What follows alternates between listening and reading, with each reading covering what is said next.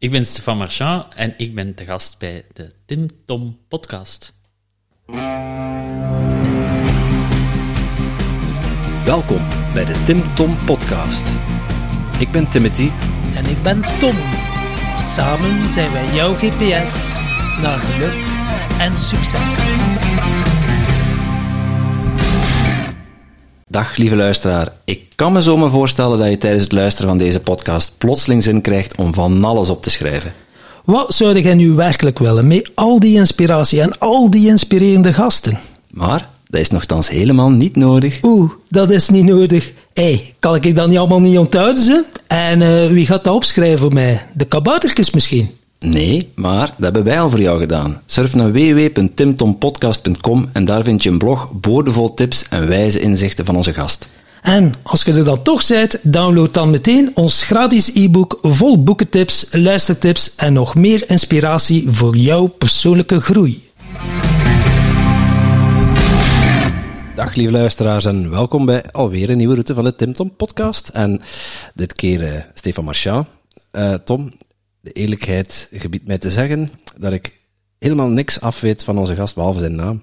Dus uh, vertel mij eens. Ah, dat is dan handig, want ik, net hetzelfde. Nee, ik weet er ietsje, ietsje meer van. Ik kan me nog herinneren dat we een keer Patricia Bossard te gast hadden. En die had een seminar of iets gevolgd en die zei... Oh, ik heb er twee interessante, inspirerende mensen mogen ontmoeten die daar uh, een les gaven. En een van die twee was Stefan Marchand. Ik had die ergens opgeschreven, die naam. En uh, ja, ineens was de lijst aan het aflopen. Ik dacht, ah wel, ik ga hem een keer contacteren. Ja, nu dat je het zegt, schiet me er inderdaad iets van binnen, ja. Maar dan uh, vond het zodanig nodig om een keer een burn-out Ja, te hebben. Dus dat, dan ja, hebben we ja, dat dan ja. nog een keer acht maanden moeten uitstaan. En op de duur wist ik het ook niet meer. En uh, even vlug op LinkedIn gezeten. En, ja, het schijnt dat uh, dat familie is van Covey, heb ik uh, gezien. Ja. Familie van koffie. We hebben ze om te vragen. Ja, we zijn benieuwd. Dag, Stefan. Hallo, Welkom bij onze podcast. dank u wel. Dank u wel. Blij hier te zijn. Ja, Tom die zegt dat je familie bent van, uh, van Steven Coffee. Ja, van Stephen Coffee, Stephen Covey. Ja. Coffee, Coffee, ja. Ik laat uw verbeelding helemaal Ja. het werk doen. Maar Ja. dat, dat, is, dat is een pure leugen. Dat is mijn eerste leugen al van vandaag. Misschien de eerste of enige, dat zullen we zien. Ja, ja, ja, ja. Ik denk dat hij geïnspireerd was door de boekenkast en dat Covey er even uitsprong. Ja, Is absoluut. Covey iemand die, uh, die, heeft, die jou heeft geïnspireerd? Ja, absoluut. Ik vind, ik vind het zo straf eh, dat, dat dat een boek is eh, de, de, rond eh, effectief leiderschap, dat al zo oud is eigenlijk, en dat nog steeds mensen, huidige leidinggevende managers, daardoor geïnspireerd worden. En dan denk ik, ja, dat is toch wel een straffe gast, als je zo'n boek kunt schrijven dat eigenlijk tijdloos is. Dat staat los van context, los van, van toen het maatschappijbeeld. Want nog altijd zijn die lessen heel, heel actueel. En ja, dat, ik, ik gebruik dat nu zelf. Eh, Ik geef ook zo workshops rond stress en resilience. En, en ja, daar gebruik ik nog altijd ook het, werk van Stephen, Stephen Covey. En het lijkt altijd zo, soms zelfs belachelijk simpel, wat dat die zegt rond de circle of influence. En dat dingen die we, die we niet kunnen controleren, dat we die, ja, dienen te aanvaarden. Hè? Ja. Dat klinkt heel simpel, maar als je dan echt je neerzet, en dat doe ik dan met, met onderzoekers, hè, ze- hun laten nadenken van, ja, wat zijn allemaal dingen die je stress geven? Waar, waar maakt je zorgen rond? En dan zijn allemaal een hele lijst. Oké, en als we nu eens gaan kijken waar je zelf iets aan kunt doen, waar je eventueel anderen kunt mee beïnvloeden om daar iets aan te doen, en waar je niks aan kunt doen. Ja. En dan ja, merken mensen, oei, amai, heel veel dat er in mijn hoofd zit, of dat, waar ik mij zorgen om maak, ja, dat ligt gewoon out of my control. Ja, en dan is dan aan u de vraag van, ja, en wat gaat het, wat gaat het daarmee doen? Gaat het dat blijven hè, meesleuren in uw lijf en, en in uw wezen? Of ja, ga- gaat het effectief tegen dat stemmetje dat blijft zeggen, ja, ik ga nu toch niet naar u luisteren, want ik kan daar niets aan doen. En Dank dan u wel, maar klinkt- ik ga mij richten op iets anders. Ah ja, maar dan meestal klinkt dat stemmetje nog wat harder. Ja, je gaat toch naar mij luisteren en dan blijft in diezelfde gedachtepatronen. Hè? Dus de cirkel, vicieuze cirkel dan. Ja. Elke keer repetitief dat dat terugkomt. Dus als jij dat stemmetje hoort, eh, hoe ga jij ermee om? Hoe, hoe krijg jij dat stemmetje... Ja, stil kun je het niet krijgen, maar hoe ga jij dat benaderen? Ja, het is inderdaad zeker niet, niet van, van stil te krijgen. En ook niet van sst, hè. Ehm, ga in de hoek zitten of zo. Maar ik denk enerzijds het erkennen. Van ja, ik heb die gedachten, ik heb die gevoelens ook, hè, zo, zo dat. Eh, en anderzijds van daaruit, ja, terug bewust mijn aandacht op iets richten. Van, van waar wil ik wel aandacht op vestigen? Ehm, en, en waar wil ik voor kiezen? Zodat. En, en in de hoop, maar ook in de wetenschap, hè, dat als ik dat honderd keer doe, dat er een nieuwe neurale baan wordt gecreëerd in mijn hersenen, Ja, ja, ja. die, die dan toch ook een beetje ja, wordt bereden, zeg maar, en, en dat er op die manier nieuwe verbindingen ontstaan. En dat mijn hersenen meer en meer weten van, ah, maar oké, we kunnen dat pad ook opgaan. Ja, ja, ja. ja, want- En, en niet alleen dat pad van... Ja, want bij heel veel mensen, als je dat stemmetje hoort, het creëert onrust. En dan ja, die onrust, ja, heel veel mensen hebben wel wat strategieën. Vluchten, verdoven, eh, noem maar op. Ze zeggen, ja, eh, overmatig sporten, werken, drank, drugs, noem het Ja. allemaal maar op. Dus, maar iedereen heeft wel al een keer dat gevoel ervaren.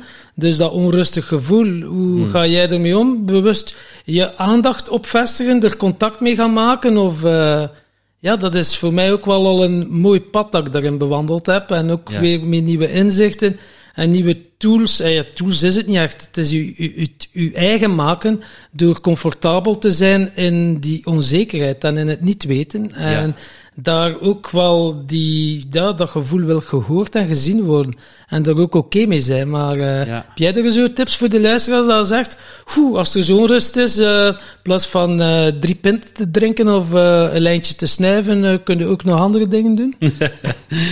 Ja, ik vind zo radicaal eerlijk zijn met jezelf. Ik denk dat dat een van de moeilijkste dingen is die, die we als mens eh, kunnen doen, mogen leren. Ehm, maar dat ik wel zie dat dat, het meest effectieve is.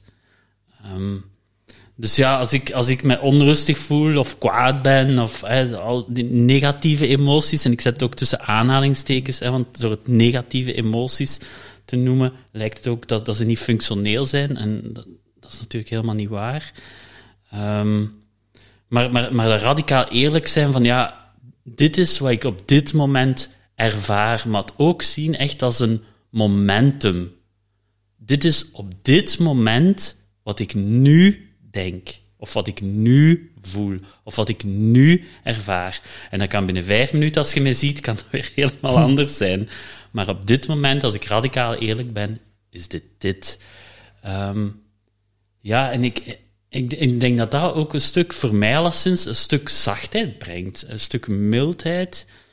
Dat, dat, dat dat er ook mag zijn. Omdat ik weet van, ja, weet je, ik probeer altijd zo van elke dag iets te maken. En als het even ja, een mindere dag is, ook te zeggen van, ja, en dat is ook oké. Want ik, ik weet dat er weer een betere dag gaat komen. Misschien niet morgen, misschien ook niet overmorgen, maar ik hoop wel na over, overmorgen. maar, maar, maar zo de wetenschap van, ja, alles is in flow, alles is in beweging, alles is in verandering. Dus dat ze bij onze emoties en onze gedachten en onze, ook onze fysieke sensaties, is dat ook zo. Alles, is, alles le- leeft gewoon. En, en het is daarop leren te vertrouwen dat die golven, ja, eigenlijk dat ik genoeg in huis heb en, en ik denk dat iedereen genoeg in huis heeft om met die golven om eh, te kunnen. En als dat niet is, als je niet alles in huis hebt om op die golven te kunnen navigeren, dan zou ik de luisteraar uitnodigen om, als het even kalm is op zee, om uw skillset misschien bij te schaven. Want als het kalm is op zee, dat is een ideale manier om te leren zeilen. En te zien van, oké, maar hoe werkt dat zeil hier eigenlijk? En, en wat heb ik nodig? En, en, en, en. Voor als het is iets of wat meer stormt, dat je dan toch weet van, Ah ja, oké. Wacht, ik heb geleerd toen het kalm was op zee, dat mijn zeil zo hoog kon staan, dat ik dat zo kon strak zetten. Mijn kompas heb ik ook leren gebruiken. En als het dan storm is op zee, dan vertrouwen van, ik weet hoe een kompas werkt, ik ken mijn boot. Oké, now I'm ready. Ah, een mooie metafoor. Maar ook, ik wil je ook zeggen van, begin niet met je skills aan te leren als het al stormt. Ja, weet je, soms stormt het en ja, moeten mensen iets leren. Je sprak juist over burn-out. Hè? Mensen die in een burn-out zitten, daarvoor stormt het. Dus dan ga ik niet zeggen tegen hun van, hé, maar wacht, wacht gewoon totdat die storm over is. En dan is het in orde.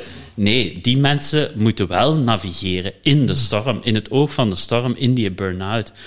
Maar ik hoop altijd als ik mensen tegenkom op, op, op mijn pad, om mensen ja, toch te laten zien van, wacht niet op die storm. Ik denk dat we allemaal in ons leven, ofwel voor onszelf, ofwel in onze omgeving, mensen kennen, mensen ontmoeten die alleen, ja, die hebben gewacht op de storm. En in die storm moeten die ineens leren een kompas en zeilen. En, dat is heel jammer. En, en die slagen daarin, hè. Da, da, daar niet van. Hè? Want ik geloof echt dat mensen heel veel veerkracht hebben. En ik zie ook dat mensen veel veerkracht hebben. Maar ik denk dat, dat ik kan niet zeggen slimmer zou zijn, maar, maar ja, toch misschien effectiever om, oké, bij mij stormt het nu nog niet. Met mijn collega heb ik gezien dat een storm dat en dat en dat teweeg brengt. Oké, maar wat kan mij helpen als het straks misschien stormt? Of hoe kan ik ervoor zorgen dat het niet gaat stormen bij mij? Pak nu hè, bij het voorbeeld van een burn-out. We kunnen heel veel dingen doen om de burn-out te voorkomen. Oké, waarom zouden we dat dan niet al doen? Als je nog geen burn-out hebt, en, en, en daar hoop ik mensen wel in inspireren. En ja, dat, dat, dat mensen echt zorg dragen voor hun eigen geest, hun eigen mentale toestand, maar ook voor hun lichaam. En, en ja, en dan zal het sowieso nog wel stormen, daar niet van. Maar, Dus maar- eigenlijk maar dan- ja, een beetje preventief te werk gaan. Ja. En hoe kan je dus bijvoorbeeld een burn-out voorkomen? Goed luisteren, Timothy, hè, dat u er geen tweede keer overkomt. Ik ben een en al oor.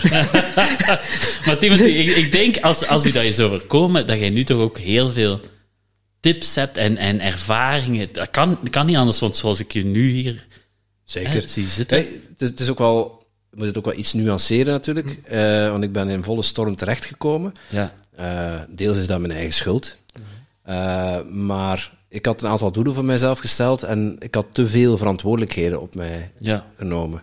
En ik heb al leren zeilen bij kalm water. Mm. Dus ik, ik had redelijk snel door dat, het, eh, dat de signalen die mijn lichaam mij gaf, dat dat eh, ja, ernstige signalen waren. En ik heb die ook serieus genomen. ja. En ik ben ook heel snel ja, overgegaan naar het een, het erkennen. Het herkennen en dan het erkennen dat ik ja, even rust, even afstand moet nemen. Dat je die stilte ook kunt creëren. Ja. En van daaruit, ja, inderdaad, met coaching, met aan mezelf werken, eh met mentale weerbaarheid terug wat opkrikken.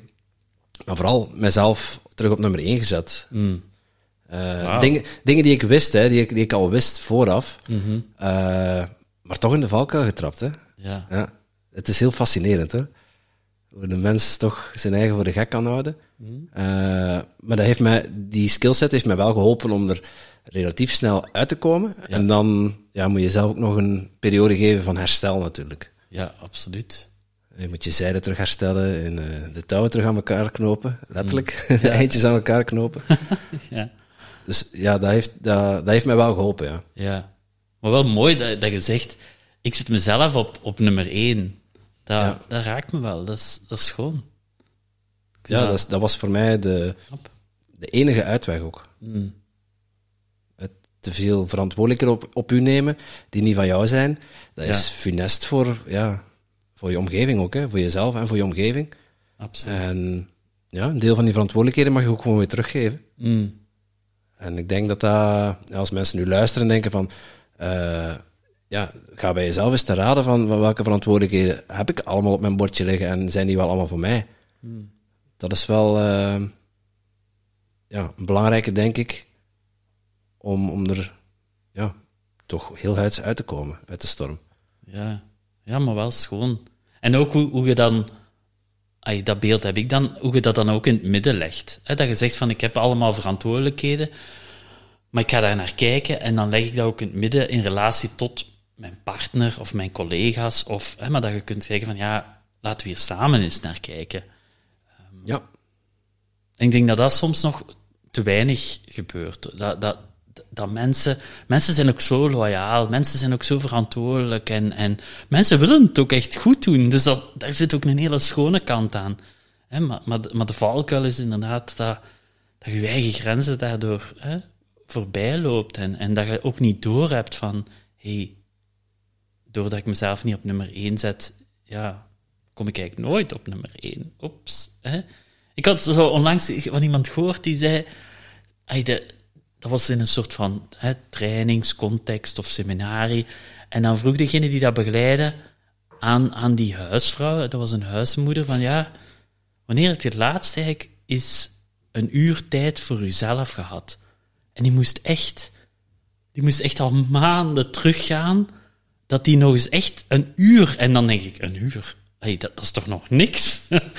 maar zo, ik was daar, ik, ik keek daar met verstomming naar, want dan denk ik van, amai, vind nu wel straf dat je zoveel hè, voor je kinderen, voor je huishouden aan het doen bent, maar daardoor, daardoor nog geen uur in de voorbije maanden hebt gehad voor jezelf. Ik, ik kan dat dan ook heel pijnlijk vinden. Dat, Dan kan ik me naar voelen van, amai, hoe zwaar moet dat, moet dat niet zijn voor u? En misschien zwaar, maar misschien tegelijkertijd ook een vlucht om eh, de confrontatie met jezelf niet aan te moeten gaan. Want ik, eh, ik merk dat wel. Heel veel mensen die gewoon ten dienste staan van iemand anders, zijn gewoon bang om connectie te hebben met hunzelf. Om voor een, omdat dat toch van alles teweeg brengt. En dan ze dan... Want grenzen stellen is allemaal mooi, maar hoe kan je grenzen stellen als je niet in verbinding bent met jezelf? Dus je gaat constant uit de diensten stellen van iemand anders, uit angst dat je de verbinding met die ander zou verliezen. Daardoor verlies je natuurlijk de verbinding met jezelf. Maar het is soms makkelijker om daar de focus op te leggen bij een ander, zodat je niet naar jezelf moet gaan kijken. Want als je connectie maakt met jezelf en je neemt verantwoordelijkheid of eigenaarschap voor jezelf, ben je ook verantwoordelijk voor alle ellende in je leven. En niet enkel de mooie dingen. En dan is dat zo van, ah ja, ik zal mij wel focussen op dan, nou, zo en zo en zo. Terwijl dat heel rete spannend is om eh, naar binnen te keren en naar jezelf eh, te gaan kijken. Ja. Ja, dat is, dat is spannend. En tegelijkertijd ook wel, en dat zie ik dan vaak in mijn werk als dans- en bewegingstherapeut, ook wel heel schoon. Als mensen echt naar binnen keren, dan ontdekken ze daar echt van alles. Ze zeggen, maar ik wist niet dat ik zoveel kracht had, zoveel schoonheid in mij, zoveel creativiteit, zoveel playfulness. Dus, dus, dus ik merk ook dat als mensen bereid zijn om, om toch naar binnen te keren, dat ze zichzelf ook kunnen verrassen. En ja, En ik moet ook wel zeggen dat dat in een, in een crisismoment, zoals bijvoorbeeld een burn-out, dat dat eh, op een of andere manier makkelijker is om dat te doen, omdat je Ja. daartoe gedwongen wordt. ja, Je, je staat met je rug tegen de muur, je kunt eigenlijk niet anders meer. Eh, om, naar je, om naar binnen te keren en dan ja, je eigen talenten terug te ontdekken of te herontdekken of eh, te zien wat er, wat er nog meer mogelijk is. Dat is makkelijker als je, als je in een soort crisissituatie zit op een of andere manier. ja? Wat, wat, maakt dat makkelijker dan? Ja, omdat je dan niet... Ja, je wordt, in mijn geval dan hè, even, uit de, de red race stappen en, eh, en die stukken waar je mee bezig bent op tafel leggen en naar kunnen kijken. Ja, En, en dan met iedereen die erbij betrokken is ook bespreken. ja, Eh, moest zo'n crisissituatie niet ontstaan, dan, dan neem ik, ja, zou ik daar niet aan denken om daar tijd voor te nemen. ja, ja. Alsof de, ja, alsof de red race zo hard doorgaat dat het, dat het moeilijk is om hè, dat stil te leggen, maar dat die burn-out bijna een, bijna een soort van dekmantel is van en nu moeten we het er wel wat over hebben. En nu komt dat ineens wel op tafel. Ja, Ja. Terwijl anders moet ik ervoor zorgen dat het op tafel komt. En hoe doe Ja, maar ik dat maar dan? dan de, de, de, de gesprekken daarover zijn dan ook gewoon anders. Ja, Omdat er niet per se een conflict ontstaat. Ja, op de lange termijn wel. En nu, als je, iedereen die een burn-out gehad heeft, die weet dat ook. Dan als, je, als je op een bepaalde manier dingen doet en het gaat allemaal goed, is oké. Eh, maar op een gegeven moment kom je jezelf tegen. En, en dat punt, zeg maar, als je, als je daarvoor kunt zijn, ja, dat is, dat is goud waard. Alleen eh, daarin dan vooraf dat signaal oppakken, dat hetgene wat je aan het doen bent, dat dat je niet gaat brengen dat wat je hart je naartoe brengt, dat is een tweede. Ja. Dat vind ik veel lastiger. Ja. Allee, nu, nu is dat makkelijker. Eh het proces wat ik, wat ik heb meegemaakt. Maar ehm, ja, vooraf, ja, ik zeg het, wij hebben al tegen die tijd hadden we al, ik denk, 100 gasten of zo gehad, of, of net iets minder, eh, waarvan de helft ook een burn-out heeft gehad. Dus die lessen die had ik ook allemaal al gehoord. Eh, dus alle tools en alle tips en tricks had ik allemaal al meegekregen. Eh, maar toch, toch had ik het ergens tussen haakjes nodig om, Ja. ja. ja, om om te kieperen. Ja. Dat is heel gek. Ja, dat is trouw, hè? Ja. Dat is echt maf. En Maar- jij? bev- Oh ja, doe maar. Ja, ja ik, ik wou eigenlijk zeggen van, eh, we, hebben, we zitten hier met Stefan. Eh, ik zou graag ook eens zijn verhaal willen horen. Over, over mijn burn-out hebben we al een paar podcasts eh, opgenomen ook. Ehm, maar ja, misschien eh, de, is het roer is omgooien met de vraag van de vorige gast. Dat zou zomaar eens kunnen. Om in de beeldspraak te blijven. Oh, we zijn goed bezig. Eh, als je één ding mocht veranderen, wat zou je dan veranderen in je weg hier naartoe? Het is een beetje in je weg hier naartoe, wat zouden ze daar mee willen zeggen? Hè? Bij dan de Double Dutch Girls, wat? Nee? Ik denk het niet. Nee, het was nog iemand anders. Ja. We, hebben- we- het is al een tijdje geleden dat we een podcast hebben opgenomen, dus we weten niet meer wie de vorige gast was. Dus, eh, Maar eh, als je één ding zou willen veranderen, in, in het pad wat je tot nu toe hebt afgelegd, Ja. laten we het daarvan maken. ja. Wat zou dat dan zijn? Eén ding veranderen. Aan het denken, hè.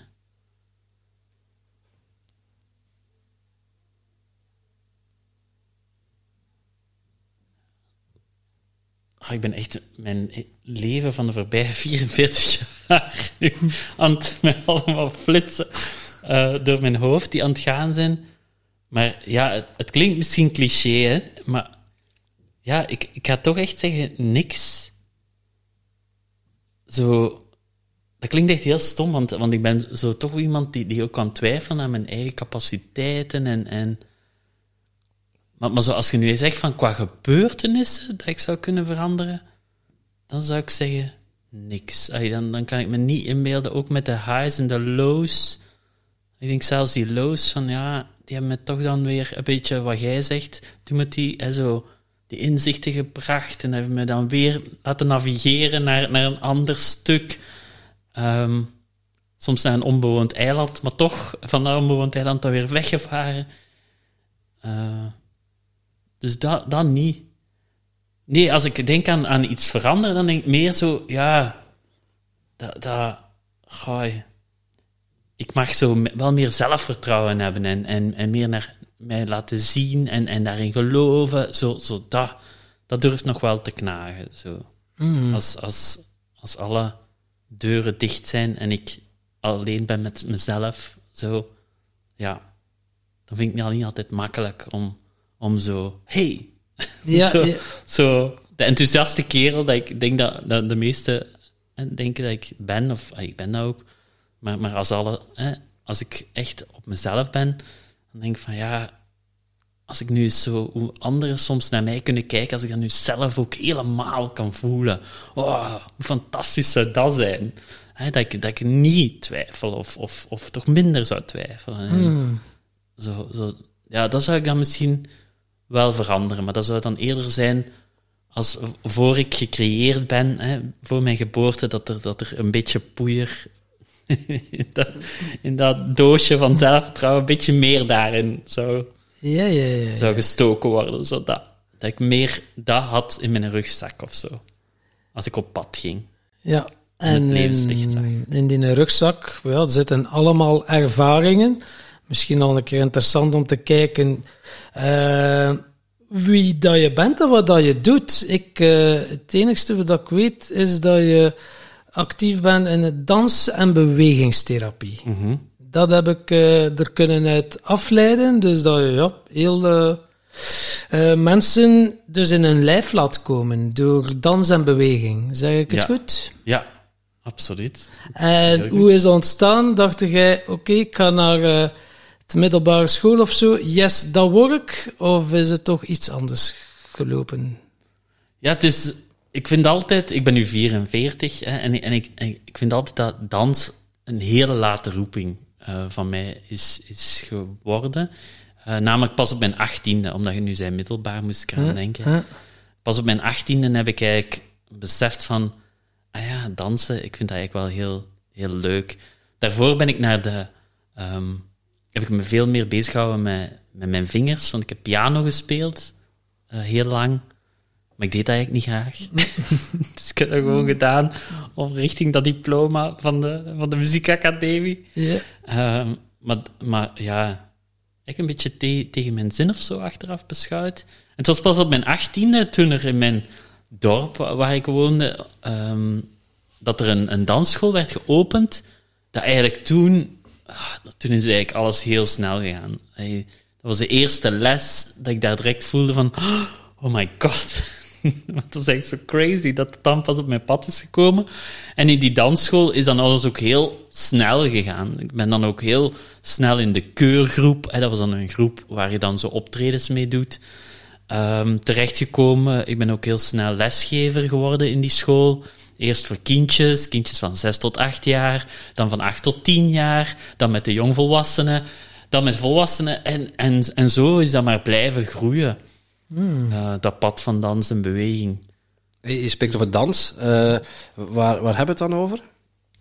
Er zijn heel veel soorten dans. Er zijn heel veel soorten dans. En dan vragen ze ook veel aan mij als ze dan horen dans en beweging. Welk soort dans? Hm? En, en, en ja, van mijn 18e tot mijn 28e, dus tien jaar lang, ben ik echt bezig geweest met dans, dans. dus verschillende soorten stijlen. Ik heb ook in verschillende compagnieën gezeten. Uh, en, en, en dan deed ik zowel hedendaagse dans als zelfs tapdans heb ik ook, ook gedaan. Uh, of jazzdance, of zelfs ballet heb ik ook op een gegeven moment uh, gedaan. Um, dus dat was echt dansdans. Maar vanaf mijn uh, 28ste heb ik dans- en bewegingstherapie ontdekt. En eigenlijk vanaf dan is eigenlijk veel meer dat lijf centraal te komen, te komen staan. En, en ja, ben ik zo meer gaan, gaan het pad gaan exploreren van het lichaam en de beweging, as such. Um, dus niet per se een bepaalde dansstijl, maar meer de dans van mijn lijf, van mijn eigen lichaam. Dus als mensen nu vragen van ah, welke stijl, dan, dan vind ik het altijd zo moeilijk om, om daar iets over te zeggen. Omdat ik denk, ja, ik, mijn stijl. Of zo. Omdat ik gewoon mijn flow volg, de flow van mijn lijf. En ja, ik vind, ik vind dat nu het, het, het prettigst. Om, om, om mij gewoon op de vloer te begeven en, en te zien wat wordt er wakker. Als ik, als ik met bepaalde tools, eh, die bijvoorbeeld een facilitator aanreikt, aan de slag ga. En, en wat ontdek ik dan? Dus, en uh, wat betekent dans voor jou? Ja, ja dans, eh, dans en beweging zou ik zeggen. Hè? Want als je dan zegt, wat betekent dans, dan heb ik direct zo, ah ja, nee, voor mij is zo dans en beweging. Je kunt niet dansen zonder te bewegen, toch? Ja, dan gaan we zo in de discussie, wat is dansen, wat is beweging? vind ik een superboeiende discussie. Um, Die gaan we straks voeren. nee, maar ja, wat, wat, mij dans en beweging heeft, heeft gebracht of brengt... Hmm. Het is voor mij een soort van broedplaats of zo, zou ik zeggen. Een broedplaats, een oase, iets waarin ik vrij kan zijn en waarin alles mogelijk is. Ik, ik denk, denk dat, dat als een soort van ja, een doosje is of zo. En als ik dat open doe, dan kan ik weet niet wat uitkomen op dat moment. En, en, en, en daarvoor zorgt dans uh, voor. Dat dat, dat, dat, dat dat mij ook veel geeft. Dat, zijn natuurlijk ook telkens cadeautjes. Want, want vorige week, um, vorige week was ik uh, samen met, met iemand naar de 80s aerobics geweest. Oké. Is En dat is van die fluopakjes. Dat zijn fluopakjes. hè, Maar dat, dat is zo, ja, ik ben dan zoveel bezig met dans en bewegingstherapie en, en, en met creatieve processen. En ethisch aerobics staat daar eigenlijk heel ver van, hè, van, van dat.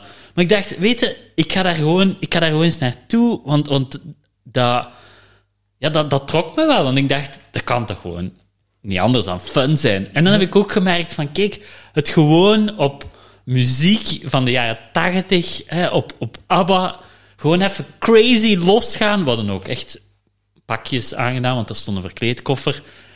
Ja, en dan achteraf op de fiets dacht ik, potverdorie, ik voelde mij zo goed, maar echt insane goed. En ik dacht, dat is nu toch de power van dans. Dan niet dans en beweging, maar echt dans. Namelijk, je zet een plaat op, je komt samen met 25 mensen die zeggen: Oké, let's do this. Je hebt ene crazy lesgever, lesgeester, hè, die daar van voor een aantal moves doet. Je volgt die gewoon een uur lang. Je werkt je nat in het zweet en poef, je endorfines. Toen heb ik echt nog eens het gevoel van, wow, maar dat is echt de kracht ook van, echt gewoon, ook gewoon van een dansles. Eh, en ja, dat is gewoon fantastisch. Dat door met dat lijf bezig te zijn en gewoon, ook gewoon in een ethisch aerobics test, dat dat gewoon, pff, zo. Ja, bij dans, hier naast mij zit er ook een begenadigde danser.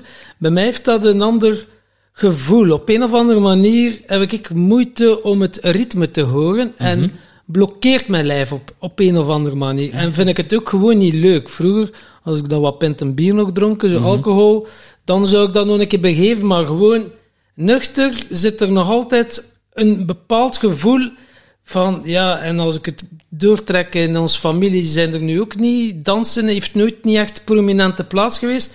Zijn we op zo'n manier, ja, en dan vraag ik me af, wordt dat doorgegeven in de genen of zo? Of heb je zo, iedereen kan dansen. Ik kan nu wel zo naar een ecstatic dance en ik wil mij dan wel zo laten gaan en dat lukt wel al iets beter, maar toch merk ik in mijn systeem, ik voel mij niet als een vis in het water Nee. als ik op een dansvloer sta. En dat, dat gevoel, ik heb mij er al wat over gezet, maar toch, eh, ja, is er toch in mijn systeem eh, ja, dat het misschien te veel in mijn hoofd zit of zo. Ik heb geen idee. Ja, ja wel, maar wel boeiend. En zeker wat je zegt van, voel ik mij als een vis in het water. Hè.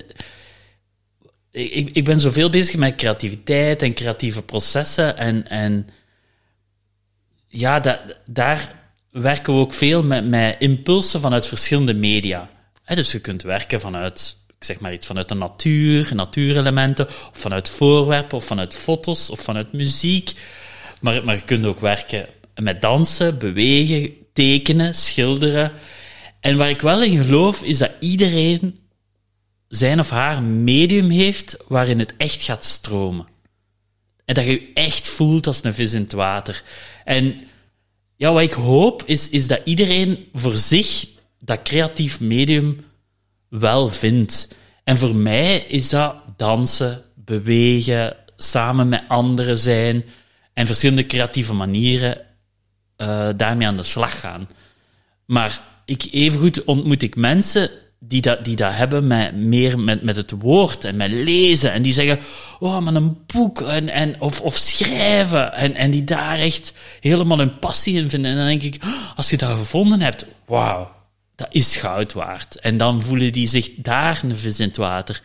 Dus ik denk dat dat ook super belangrijk is, als we het dan hebben over energie en, hè, en, en een burn-out voorkomen.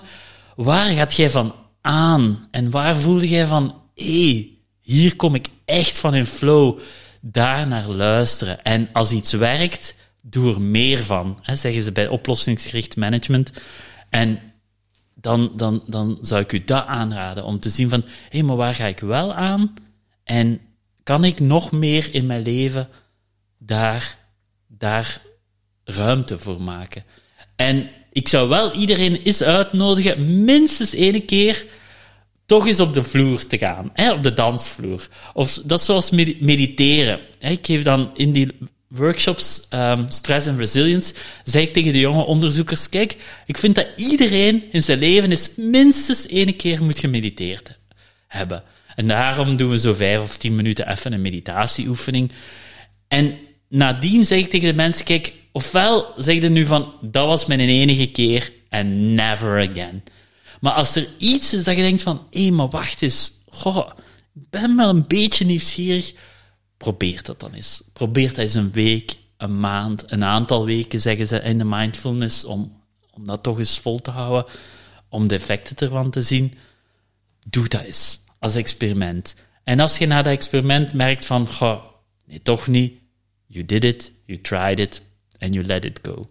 En zo, maar, maar, dus ja, ik zou zeggen, steek Ja. je teen eens in het water van de dansvloer en als je echt merkt, goh, het doet me niks, dan, dan heb je het geprobeerd en, en, en blijf dan ook trouw aan jezelf. Ik heb nog een vraag voor Tom eigenlijk. Maar je zegt van, ik heb het geprobeerd, ik voel dat ik, ik heb geen ritme, eh, ik voel me niet als een vis in het water, of een vogel in de lucht, wat, wat dan ook. Maar wat, wat gebeurt er als jij op de dansvloer staat?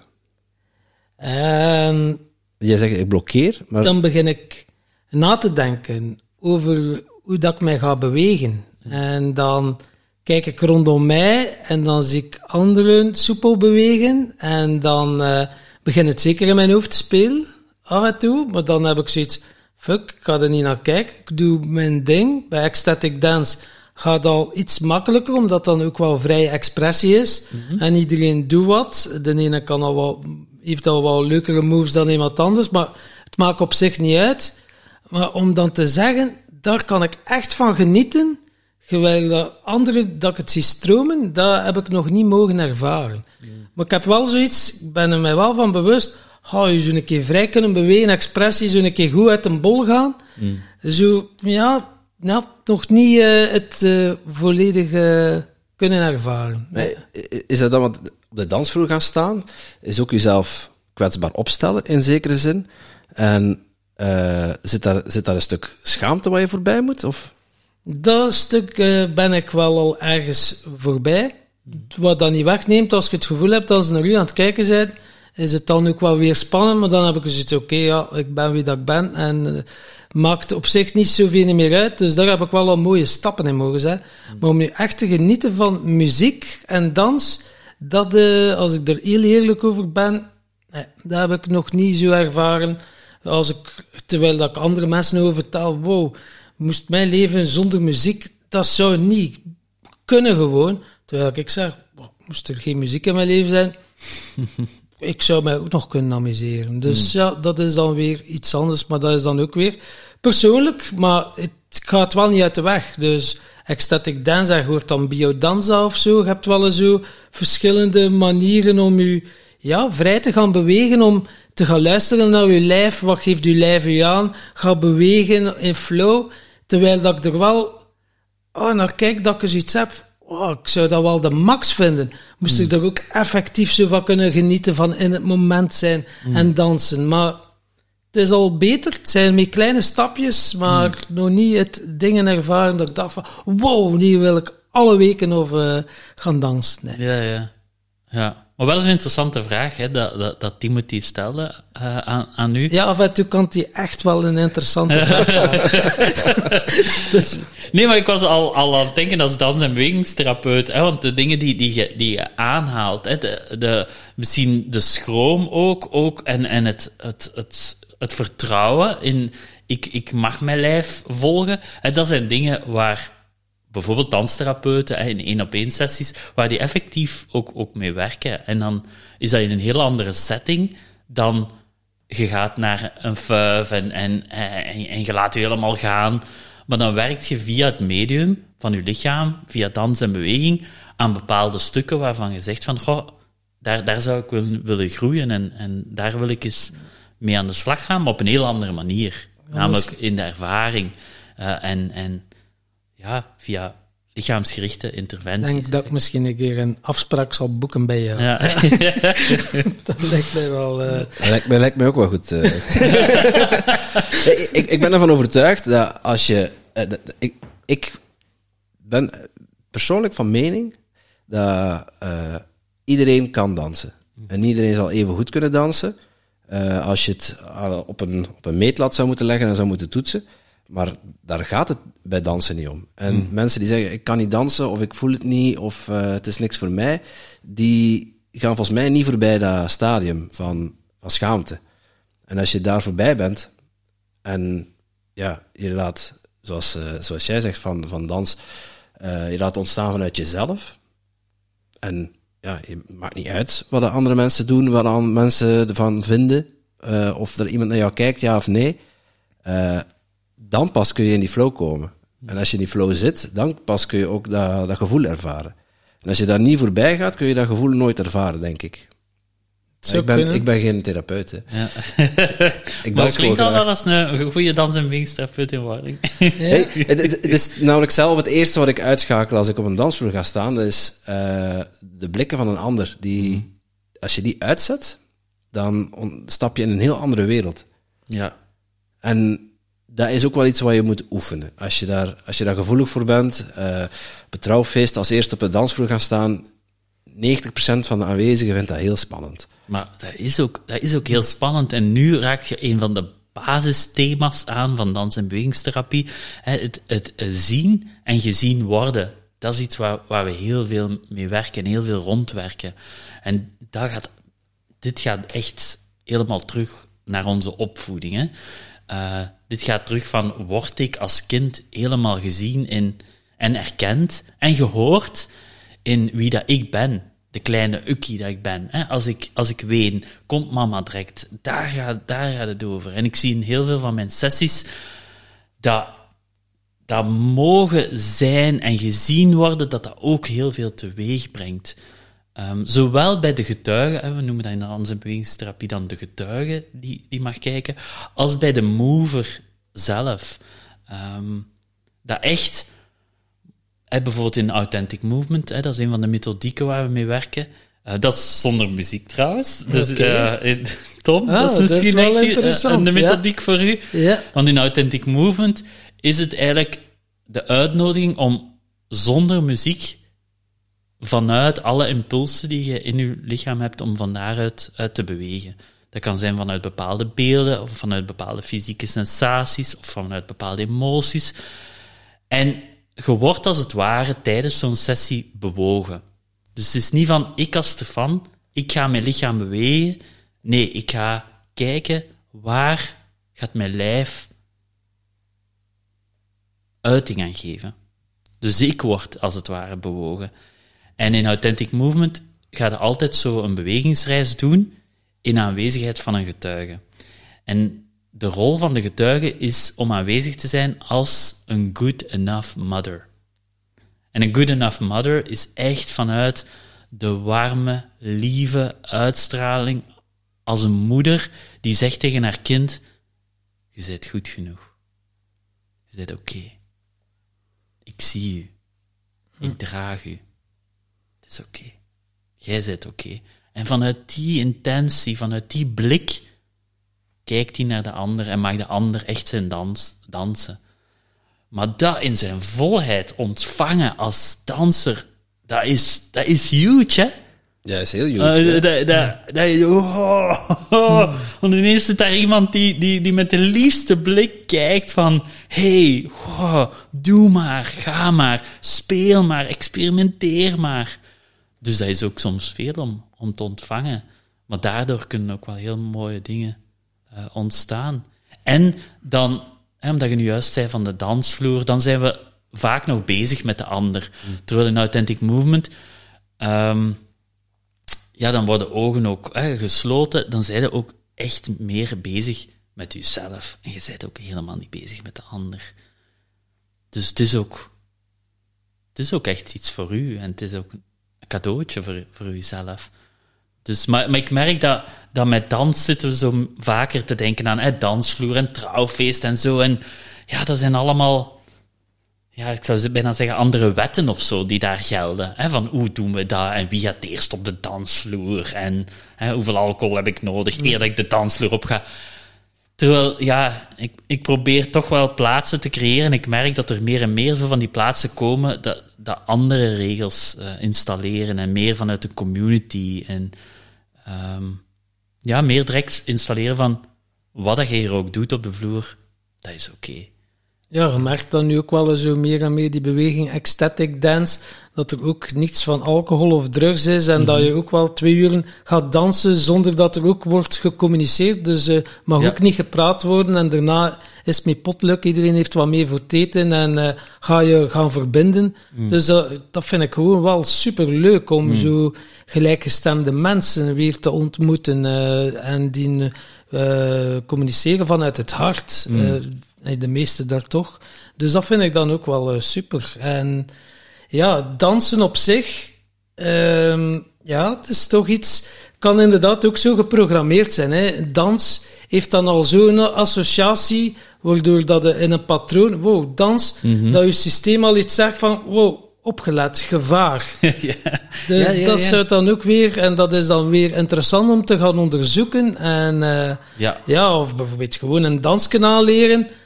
Ja, ik doe er misschien vijf keer zo lang over dan iemand anders. Iemand ziet dat één, twee keren, die kent dat, en ik zie tien keren. En ik zal, eh, ja, het zit nog niet in mijn systeem. Dus op een manier is dat dan. Maar ja, ik heb nu ook al geleerd om daar mij ook niet eh, druk om te maken. En het is wat dat is natuurlijk. Maar Ja. ja het heeft toch wel lang geduurd om toch wel die eh, klik te maken in mijn hoofd. Zo- Zonder mij er dan ook over te schamen of zo. Oh, ja, ja, het is toch iets eh, dat je eh, ja, lading opzet. Ja, toch Ja. wel. Ja. Maar dat is wel maf, hè? Want al- ik was nu ineens even in mijn verbeelding in, in Afrika, waar, waar, waar dans gewoon deel is van het leven. En, en nu vroeg ik mij, terwijl je aan het vertellen, was het echt af van, goh, wat is er gebeurd met, met België? of of met, met ons in Europa of in het westerse land bij uitbreiding.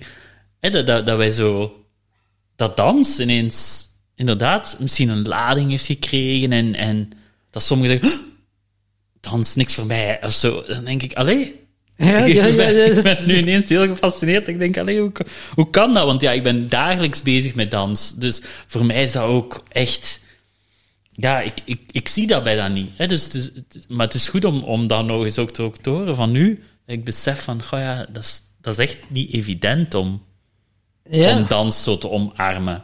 En dat is voor veel Vlamingen nog altijd geen, geen evidentie. En daarom spreek ik eh, van dans en beweging, Timothy. Eh, straks zo vroeg, wat betekent dans voor u? Om, omdat ik merk dat er op dans veel lading is. En, en dat ik zeg, ja, maar beweging. Oké, iedereen kan bewegen. En dan voel ik het soms al zachter worden. eh, bij degene aan de overkant. Dat zeg ah, ja, oké, oké, ik beweeg wel. Oké, oké, dus ja, beweging. En soms als ik dan zo workshops geef, ik denk dan ook zo na over de titel hè, die ik zet op de workshop. Ehm, ja, denk ik dan ook heel goed na, zet ik er dans in of niet? En nu tegenwoordig noem ik het play, move, dance, in die volgorde. En dat, dat blijkt nu toch een aantal jaren te werken. Zowel voor mij als voor deelnemers hoor ik dat dat wel resoneert van oké, dus we gaan hè, play, playfulness activeren, oké, we gaan bewegen en dan staat dans, daar staat als derde. Dus Ja, ja, dan denk ik oké, play, move, dance, misschien ook een goede volgorde. Nog niet die dans zo prominent. Hè? Ehm, en, en ja, op die manier daar een beetje mee spelen. Want ik denk ook, ik geloof ook heel erg in words create worlds. Dat, dat, dat de taal hè, die ik ook kies om, om met dans en beweging naar buiten te komen, dat dat ook wel bepaalde mensen aantrekt of, of afstoot. Dus daarom ben ik daar ook wel veel mee bezig van. Welke woorden hanteer ik en ja, welke, welke wereld van taal ga ik activeren? Ja, en ergens play, move, dance. In de kern is het hetzelfde. Mhm. Voor mij in ieder geval. Klinkt, klinkt allemaal hetzelfde. Ja. Eh, Ik bedoel, eh, als je denkt aan een, aan een kind bijvoorbeeld, eh, er, moet, er moet niet eens muziek op staan om, eh, voor een kind om te kunnen spelen en zijn eigen uit te kunnen leven. Ja. Maar als volwassen mensen hebben dan opeens alcohol nodig. Mm. Omdat, eh, omdat ja, dat een stukje van je brein uit te schakelen of zo, wat er dus blijkbaar is ingeprogrammeerd. Want als kind had je dat niet. Ik kan eh, probeer nu een kind voor de geest te halen van ergens waarvan ik denk van ja, die heb ik nog nooit zien spelen of nog nooit zien bewegen of zien dansen.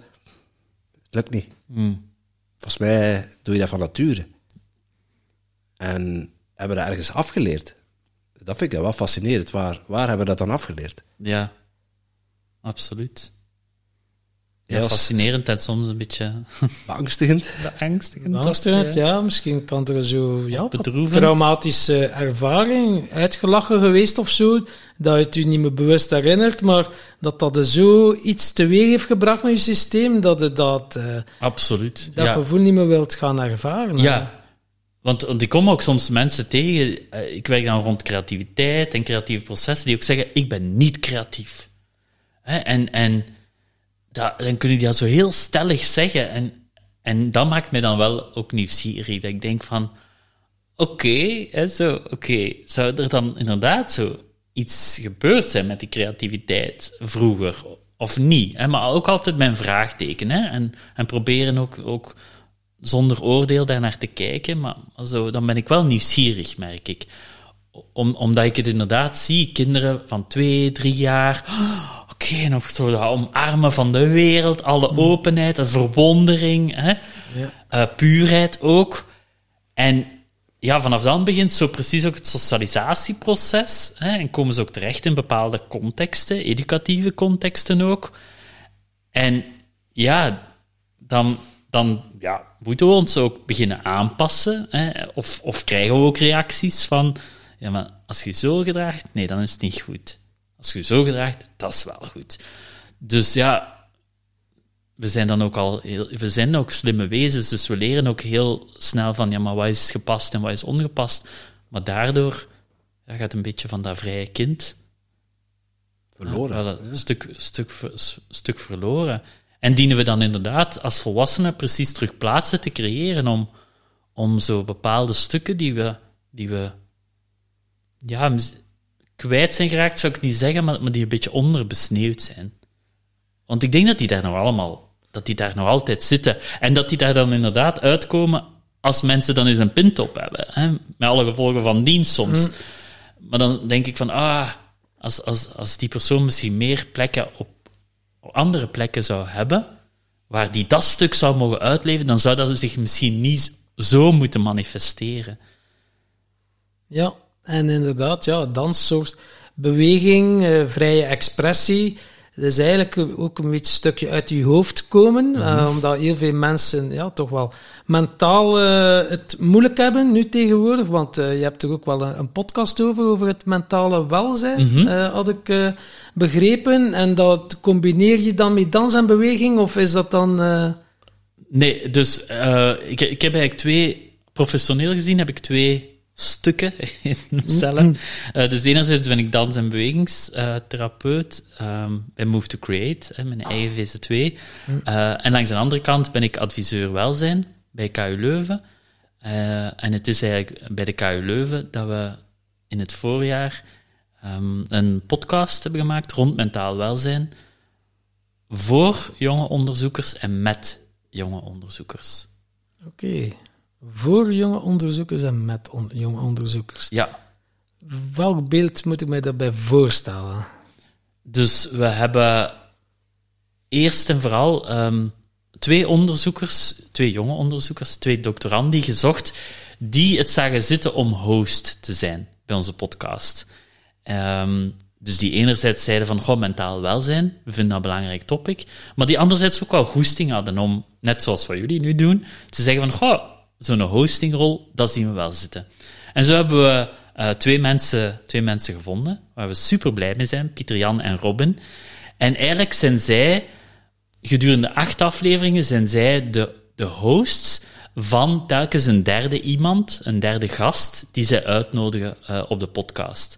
En het is altijd telkens de gast die centraal staat met zijn of haar ervaring en die dan thema's inbrengt, ehm, zoals omgaan met perfectionisme, ehm, burn-out, ehm, digitale deconnectie, eh, isol- isolement.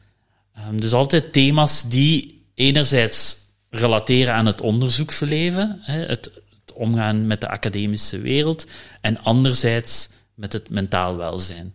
Eh, en gedurende acht afleveringen eh, gaat de podcast eigenlijk op zoek naar antwoorden hoe dat jonge onderzoekers eigenlijk samen met hun context kunnen zorg dragen voor hun eigen welzijn. Eh, En wat is jouw rol bij de podcast? Ik was samen eh, met een, eh, een tweetal collega's. We waren eigenlijk ja, de bedenkers van het concept en, en waren eerder de, de projectverantwoordelijke. En om de mensen te zoeken, de gasten te zoeken, om nu, nu dat de podcast af is, rugbaarheid te geven aan, aan het project. Dus wij waren meer overkoepelend in, in een projectrol. Want we vonden het heel belangrijk om, om de community zelf aan het woord te horen. En want we dachten van, goh, we, we, zou- we zouden nu ja, dat wel kunnen vullen met, met allemaal goede adviezen en zo. En, en we hebben ook wel eh, professoren die we, die we af en toe in de podcast ook iets laten, laten eh, vertellen, om wijsheid te delen. Maar wat vooral centraal staat is, ja, maar hoe gaan die onderzoekers er nu zelf mee om? Want net zoals jij, Timothy, er straks heel schoon zei van wat je al geleerd hebt hè, door je, burn-out, zo zijn er ook onderzoekers, doctorandi, postdocs, die nu ook al heel veel weten rond goh, hoe je zorg draagt voor je welzijn in deze context, zo en zo en zo. En dat vind ik zalig, om, om, om, om die plaats te creëren, dat zij elkaar kunnen ontmoeten, dat zij het gesprek kunnen aangaan, dat zij tips kunnen delen, maar tips from the field. En niet dat er een of andere guru iets moet komen zeggen. Eh, en, en dat kan wel inspirerend zijn, hè, zo'n guru. Ehm, maar ik denk dat er ook heel veel wijsheid is vanuit de vloer. De ervaringsdeskundige. Ja, absoluut, absoluut. Misschien zelfs veel meer. Ja. En, en, en, en, en daar proberen we een beetje een mix eh, in, in te vinden. Want, want er zijn wel een paar experts die, die aan bod komen, ehm, die een stuk wetenschappelijke eh, wijsheid in de podcast brengen. Maar eh, hoe dat de doctorandi er zelf mee omgaan, dag in, dag uit, ja, dat is zo boeiend om te horen welke slimme eh, oplossingen zij hebben bedacht. Of, of ook zo hoe dat zij daar dag in, dag uit mee experimenteren. Om te zien van, ja, hoe kan ik daarvoor zorg dragen? En het is een beetje zoals bij ons, hè, in, ons in ons leven ook. We, we, we, we doen ook, Ieder, iedereen in onze context. Hè. We doen dat allemaal van, oké, hoe kunnen we zorg dragen voor onszelf? En de ene dag gaat dat beter dan de andere. Ehm, en ik zie toch, die academische context is ook een heel specifieke context. Uh, dus ik ben heel blij dat we, dat we een podcast hebben gewijd aan, aan dat thema. Ehm, om, ook, om ook dat thema bespreekbaar te maken. Want dat is niet altijd evident om, om het daarover te hebben met elkaar. En het is een beetje zoals jij zei straks, Timothy, hoe in die rat race, hoe maak je dat bespreekbaar? Hè? Hoe leg je dat op tafel? En nu hebben we een podcast gecreëerd waarvan ik hoop dat dat mensen in de academische wereld hopelijk ook kan helpen om dat topic eens in het midden te leggen. En te zeggen van, hey, onderzoeksteam, hoe, hoe gaat het eigenlijk met onze grenzen? En hoe zitten wij work-life? Hoe, hoe, hoe zien we dat eigenlijk? Werken wij... in- Vinden Ja. wij dat normaal, dat wij in het weekend aanspreekbaar zijn en blijven doorwerken of niet? En daar hoop ik dat onze podcast echt wel die vragen gaat activeren. Meestal wordt dat dus zo, ja. Het wordt nog beloond, hè. Hard werken. Hè. Eh, meestal, hoe harder dat je werkt, niet in alle gevallen, of hoe meer dat je werkt, ja, is je loonbriefje misschien iets eh, meer, eh, ja, iets, iets hoger. En eh, ja, ook net hetzelfde mee overmatig sporten of zo. Eh, ja, je een Olympische medaille als je veel sport en verslaafd bent. Dus dat is ook wel zo bij het werken en niet naar dat gevoel te moeten gaan. Dus dat mentaal welzijn is zo belangrijk dat dat nu echt wel aan bod komt. Want Ja. heel veel mensen vluchten weg en weten het gewoon niet meer. En Ja. eh, dan komt er dan nog een beetje angst en het wordt allemaal duurder. En ja, voordat je het weet, eh, ja, zit je zo vast dat je gewoon geen uitweg meer ziet. Ja, absoluut. En, en, en dan moeten de oplossingen ook al bijna heel groot zijn en heel radicaal. Terwijl ik denk, goh, het echte zorgen voor je eigen welzijn, dat ziet er meestal niet zo groot uit. Dat is echt op dagdagelijkse basis, zeg maar, per uur kun je heel goed zorgen voor, voor jezelf. Als je zo luistert van, oké, ik kom van een stressvolle meeting. Oké, ga ik direct in mijn auto springen of ga ik misschien nog even een blokje rond wandelen voor ik in mijn auto spring? Oké, dan kan ik even terug op adem komen. Kan dat zenuwstelsel al een beetje, ah, oké, een beetje rustiger worden. Oké, en dan ga ik in mijn auto, want misschien komt er weer een file aan. En, hè, maar, maar Mensen komen van een stressvolle meeting, up, direct een auto in, een file, hup, dat zenuwstelsel Ja. nog meer geactiveerd. En dan komen ze thuis en dan zijn er kinderen en dan, wow, tuk, tuk, tuk, tuk. Ja. En dan zitten ze s'avonds in hun bed en dan denken ze, oh, ik kan niet slapen, ik moet slapen. Oh. De volgende nacht, wekker, tju, tju, tju, zo.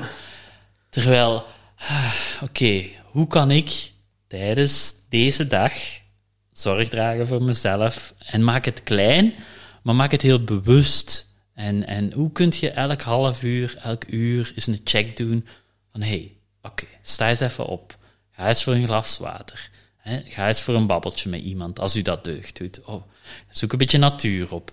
En dat integreren in uw dagdagelijkse gewoontes, als we dat allemaal zouden doen, dan denk ik dat we op vlak van welzijn, zelfzorg al heel ver zijn.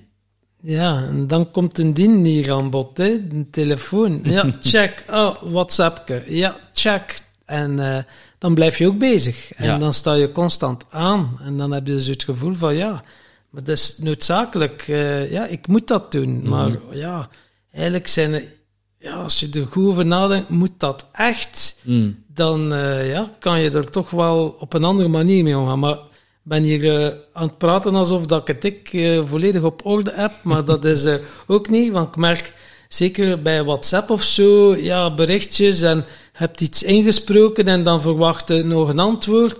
En onbewust ga je daar regelmatig kijken op je telefoon. Ah nee, tja, heeft nog niet geantwoord of zo. Dus ik, oh, Nee, ben ik, me was, ook ik was een week op vakantie, Tom. Ja, Sorry.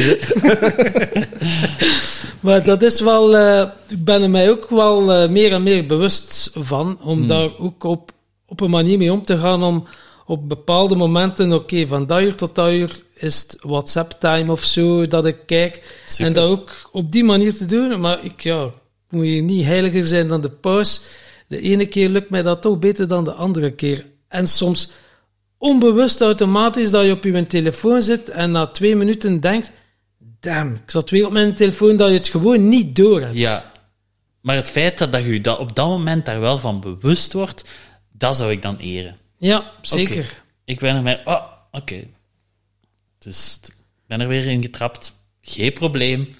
Maar Die mildheid bewust. terug. Ja. Die mild zijn voor jezelf. En dat is echt wel nu de oefening waar dat ik volop mee aan de slag ben ook. Omdat we meer en meer in die presence, in dat moment zijn Mhm. en accepteren van wat dat er is. En ook echt wel gaan voelen, wat speelt er nu? ja, En het brengt wel meer kwaliteit in je leven. Maar ja, het zijn niet altijd de gevoelens die je wilt voelen. Maar Mm. het is wel puur en het is wel echt. ja, En eh, de afleidingen, ja, het is, onze maatschappij is zo ingericht om te vluchten en niet te moeten gaan voelen, omdat het zo beangstigend en zo heftig kan zijn ook. Mhm. En eh, dat vind ik inderdaad wel, ja, als ik rondom mij kijk, heel veel mensen die zo onbewust zijn en gewoon niet beseffen dat ze aan het leven zijn. Mm. Ja, dat is iets dat nu mij enorm opvalt. eh, dat je echt wordt geleefd. Als je alles zou volgen wat dan ze u opdragen. Je zit zo in een systeem alsof je, dat je er niet uit kunt. Of dan moet er iets gebeuren, hè, zoals gezegd, een burn-out of zo. Om te beseffen van, hé, wil ik dan nog langer die rat race? ja. Maar er is ook heel veel, hè. Er zijn ook zoveel keuzemogelijkheden. Er zijn zoveel mogelijkheden om uit te kiezen en, en zo. ah, en, zo. en, en, en dat wijst... eh, da- daar vind ik dat die social media ook wel ehm, voor zorgt. Dat we opeens krijgen we de wereld ook binnen op ons scherm, maar daardoor ja, worden we ook wel constant geconfronteerd met de vraag, ja, maar wat wil ik, wat wil ik, wat wil ik? Want we kunnen naar daar, we kunnen naar die conferentie. eh, eh. Hey, dat, is dan, dat is dan mijn hè, issue. Ja. Ik zie dan zoveel leuke dingen, interessante dingen, inspirerende dingen, ehm, die dan niet altijd bij de deur zijn en, en dan, die nu dan door de digitale hè, wereld dan misschien wel meer behapbaar zijn. Maar dan denk ik, ik, ik kan dat toch niet allemaal volgen?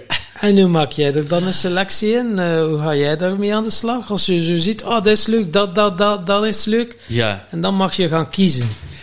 En dan mag ik gaan kiezen. eh, en, en wat ik wel al heb geleerd is, ik voel enorm het verschil tussen, oké, maar deze, daar wil ik absoluut bij zijn. Dat resoneert van van boven tot in mijn kleinste teen. Versus dingen dat ik denk, ah ja, dat is wel interessant. Ah, leuk. Ah, dat zou ik inderdaad nog moeten. Ah, oh, ik ga dat in mijn to-do's zetten en in mijn mapje, zo om op te volgen. En dan weet ik eigenlijk, kijk Stefan, dat is, dat is niet waar je helemaal van aangaat. Dus ik probeer, ik sla er nog niet altijd in, maar ik probeer meer en meer zo, oké, waar ga ik echt van aan? En ja, waar wil ik dan op, op inzetten? Um, want het is, het is allemaal een beetje een kwestie van doseren en energie, maar ook uw verschillende rollen ook te kunnen, te kunnen um, ja, goed vervullen. Mm Want ik, ik, wil, ik wil ook een goede partner zijn. Um, ik wil ook een goede dans- en bewegingstherapeut zijn, ik, maar ik wil ook een goede uh, vriend zijn uh, van mensen. Ik wil um, dat mijn familie ook op mij kan rekenen. Ik, ik, er zijn zo heel veel verschillende rollen en, en om die allemaal te vervullen, ja, dat, dat, vergt wel wat. Dus, dus daarom wil ik ook zo, als ik dan nog eens zeg van oké, voor mijn eigen ontwikkeling en mijn eigen inspiratie, ja, dan, dan wil ik echt wel kiezen van als ik echt aanga, want al die andere dingen, ja. die gaan ook ervoor zorgen dat ik minder tijd kan steken in mijn werk, in mijn familie, in mijn vrienden, in mijn relatie. Dus, En ga je dan ook zo inplannen, uh, à la COVID, de verschillende rollen en zo op die, moment, en, ja, en op die manier je agenda je gaan inplannen? Goh, ja, dat is een beetje zoals het zou moeten. Of, of maar ja, ik ben, ik, ben, ik ben nogal op dat vlak een beetje organisch of zo. Mm, ja, ja, ja. ik ben niet zo'n zo, zo zo een planner. En ik ben meer zo'n voeler en, en, en zien, kan ik in mijn agenda, als ik mijn agenda opensla, zo, maar om het echt zo systematisch te Ja, dat, ja, dat, dat, nee, dat lukt ook op leeg als ik er nog maar aan denk. Ja, om alles zo heel structureel, maar hoe zorg jij bijvoorbeeld dat je geen overvolle agenda hebt, dat je genoeg tijd voor jezelf hebt, want dat is voor heel veel mensen toch wel een uitdaging. Ja. Ik heb een overvolle agenda. Oké. Omdat mijn, mijn zus en mijn moeder ook met de pakken willen krijgen. Dan zeggen ze, ah nee, we zullen eens hè, zo zien voor de komende zes weken. Um, dus ja. Maar op een of andere manier zit dan zo het... het dat staat dan niet in mijn agenda, maar, maar, maar, maar zo het zorgdragen voor mezelf zit daar al dan zo ingebakken in. Maar dan kan dat zijn bijvoorbeeld zoals toen ik naar hier kwam, hè, deze middag, dan ga ik ervoor zorgen dat ik daar tijd voor genoeg heb. Want ik weet, ik moet die Brusselse ring trotseren. Dat gaat mij heel veel stress geven als ik daar te weinig tijd voor heb. Dus dan in op voorhand al die afspraak vastleggen, hou ik er rekening mee van, oké, ik wil dat die een dag, dat eigenlijk alles rond het bezoek aan die podcast draait. Dus ik wil dat er dan niks op mijn agenda komt die, die, die, die, die daar enigszins, die dat mijn energie daarvan gaat afleiden. Dus in die zin heb ik voor vandaag echt die afspraak met de podcast, met jullie, centraal staan. En alles rond, dat, dat is, ik zou niet zeggen leeg, maar, maar, maar, maar zijn activiteiten die ik ook echt kan droppen of zo. Mhm. Maar ik, ik, had vandaag geen andere verplichting. Ja, en dat werkt dan voor mij op vlak van ook mijn welzijn, want dan weet ik van, oké, dan kan ik naar daar gaan, maar dan kan ik daar ook echt zijn, want ik weet dat ik dan s'morgens tijd heb om op te staan. Ik heb ook deze morgen al een beetje bodytime gehad met mezelf. Ik heb rustig kunnen ontbijten. Um, ik heb ook mijn mails gedaan, maar ik kon dat op een heel rustige manier doen. Uh, en, en, en dan al een beetje intunen op dit gesprek op voorhand op mijn gemakskind in de wagen komen. Maar dat zijn allemaal zo beetje bij beetje bereid me daarvoor van oké, hier en nu te zijn met jullie. Maar dat is al een heel proces waar er heel veel verschillende elementen in gepasseerd zijn, maar waarin ik wel dan zorg draag voor mezelf en, en hoe dat ik in elkaar zit en wat ik nodig heb om hier ook echt te kunnen zijn. En je, je, hebt, je had het net over, um, over die podcast, over uh, mentale welzijn. Um, ik ben wel benieuwd hoe Eh, Wij doen ook podcasts en wij krijgen af en toe gewoon zo'n een inzicht of een, eh, of een tof idee. Of het gesprek krijgt opeens een heel andere wending. Ehm, maar ik ben wel benieuwd van, eh, je bent als projectmanager bij dat project betrokken. Eh, welke, welke verrassende elementen over mental well-being zijn er bij jou naar boven gekomen door, het pod- door die podcastreeks?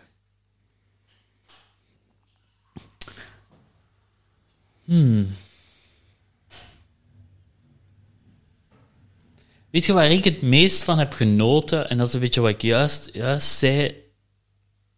Maar het meeste genoot ik ervan als de drie onderzoekers in de studio zaten en wij zaten dan achter de schermen mee, mee te luisteren.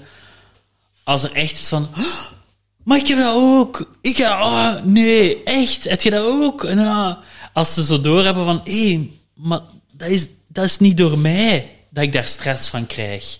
Dat is door dat of dat in het systeem. En dat, dus, dus ik heb nog meer geleerd van, zet mensen samen, laat mensen daarover spreken en, en de wijsheid komt eruit. Dat is wat, ik, wat, wat, meest, wat mij het meest bijblijft met, met dat project.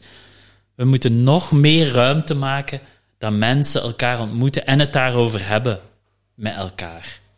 Ja. Over die topics. Ja, het is interessant dat je dat zegt. Het is precies hoe, hoe ik ook podcasts ervaar trouwens.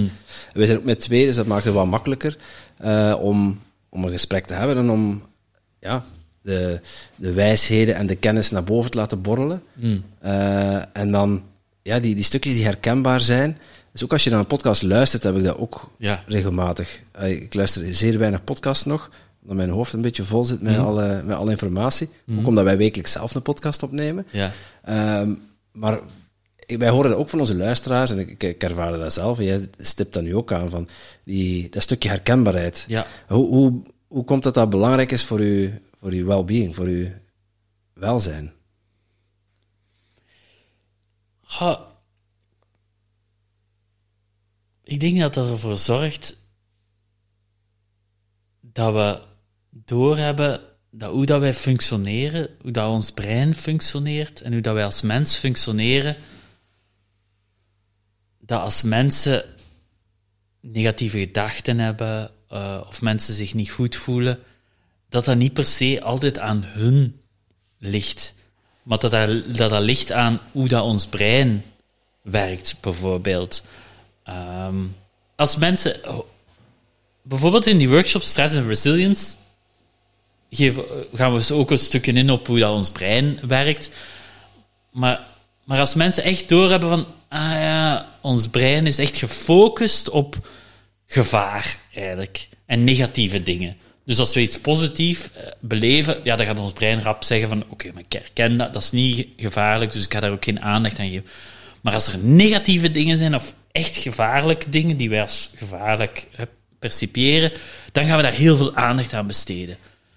Maar als mensen al doorhebben van ah, oké, maar dus dat is ik niet die veel aandacht besteedt aan negativiteit of negatieve gebeurtenissen, maar dat is eigenlijk gewoon door mijn brein, ja, dan kunnen ze daar ook wat rustiger in, in worden. En, en dan kun je tegen jezelf ook al toespreken van, hey, het is oké dat ik zo denk, want ja, we zijn gewoon zo geprogrammeerd.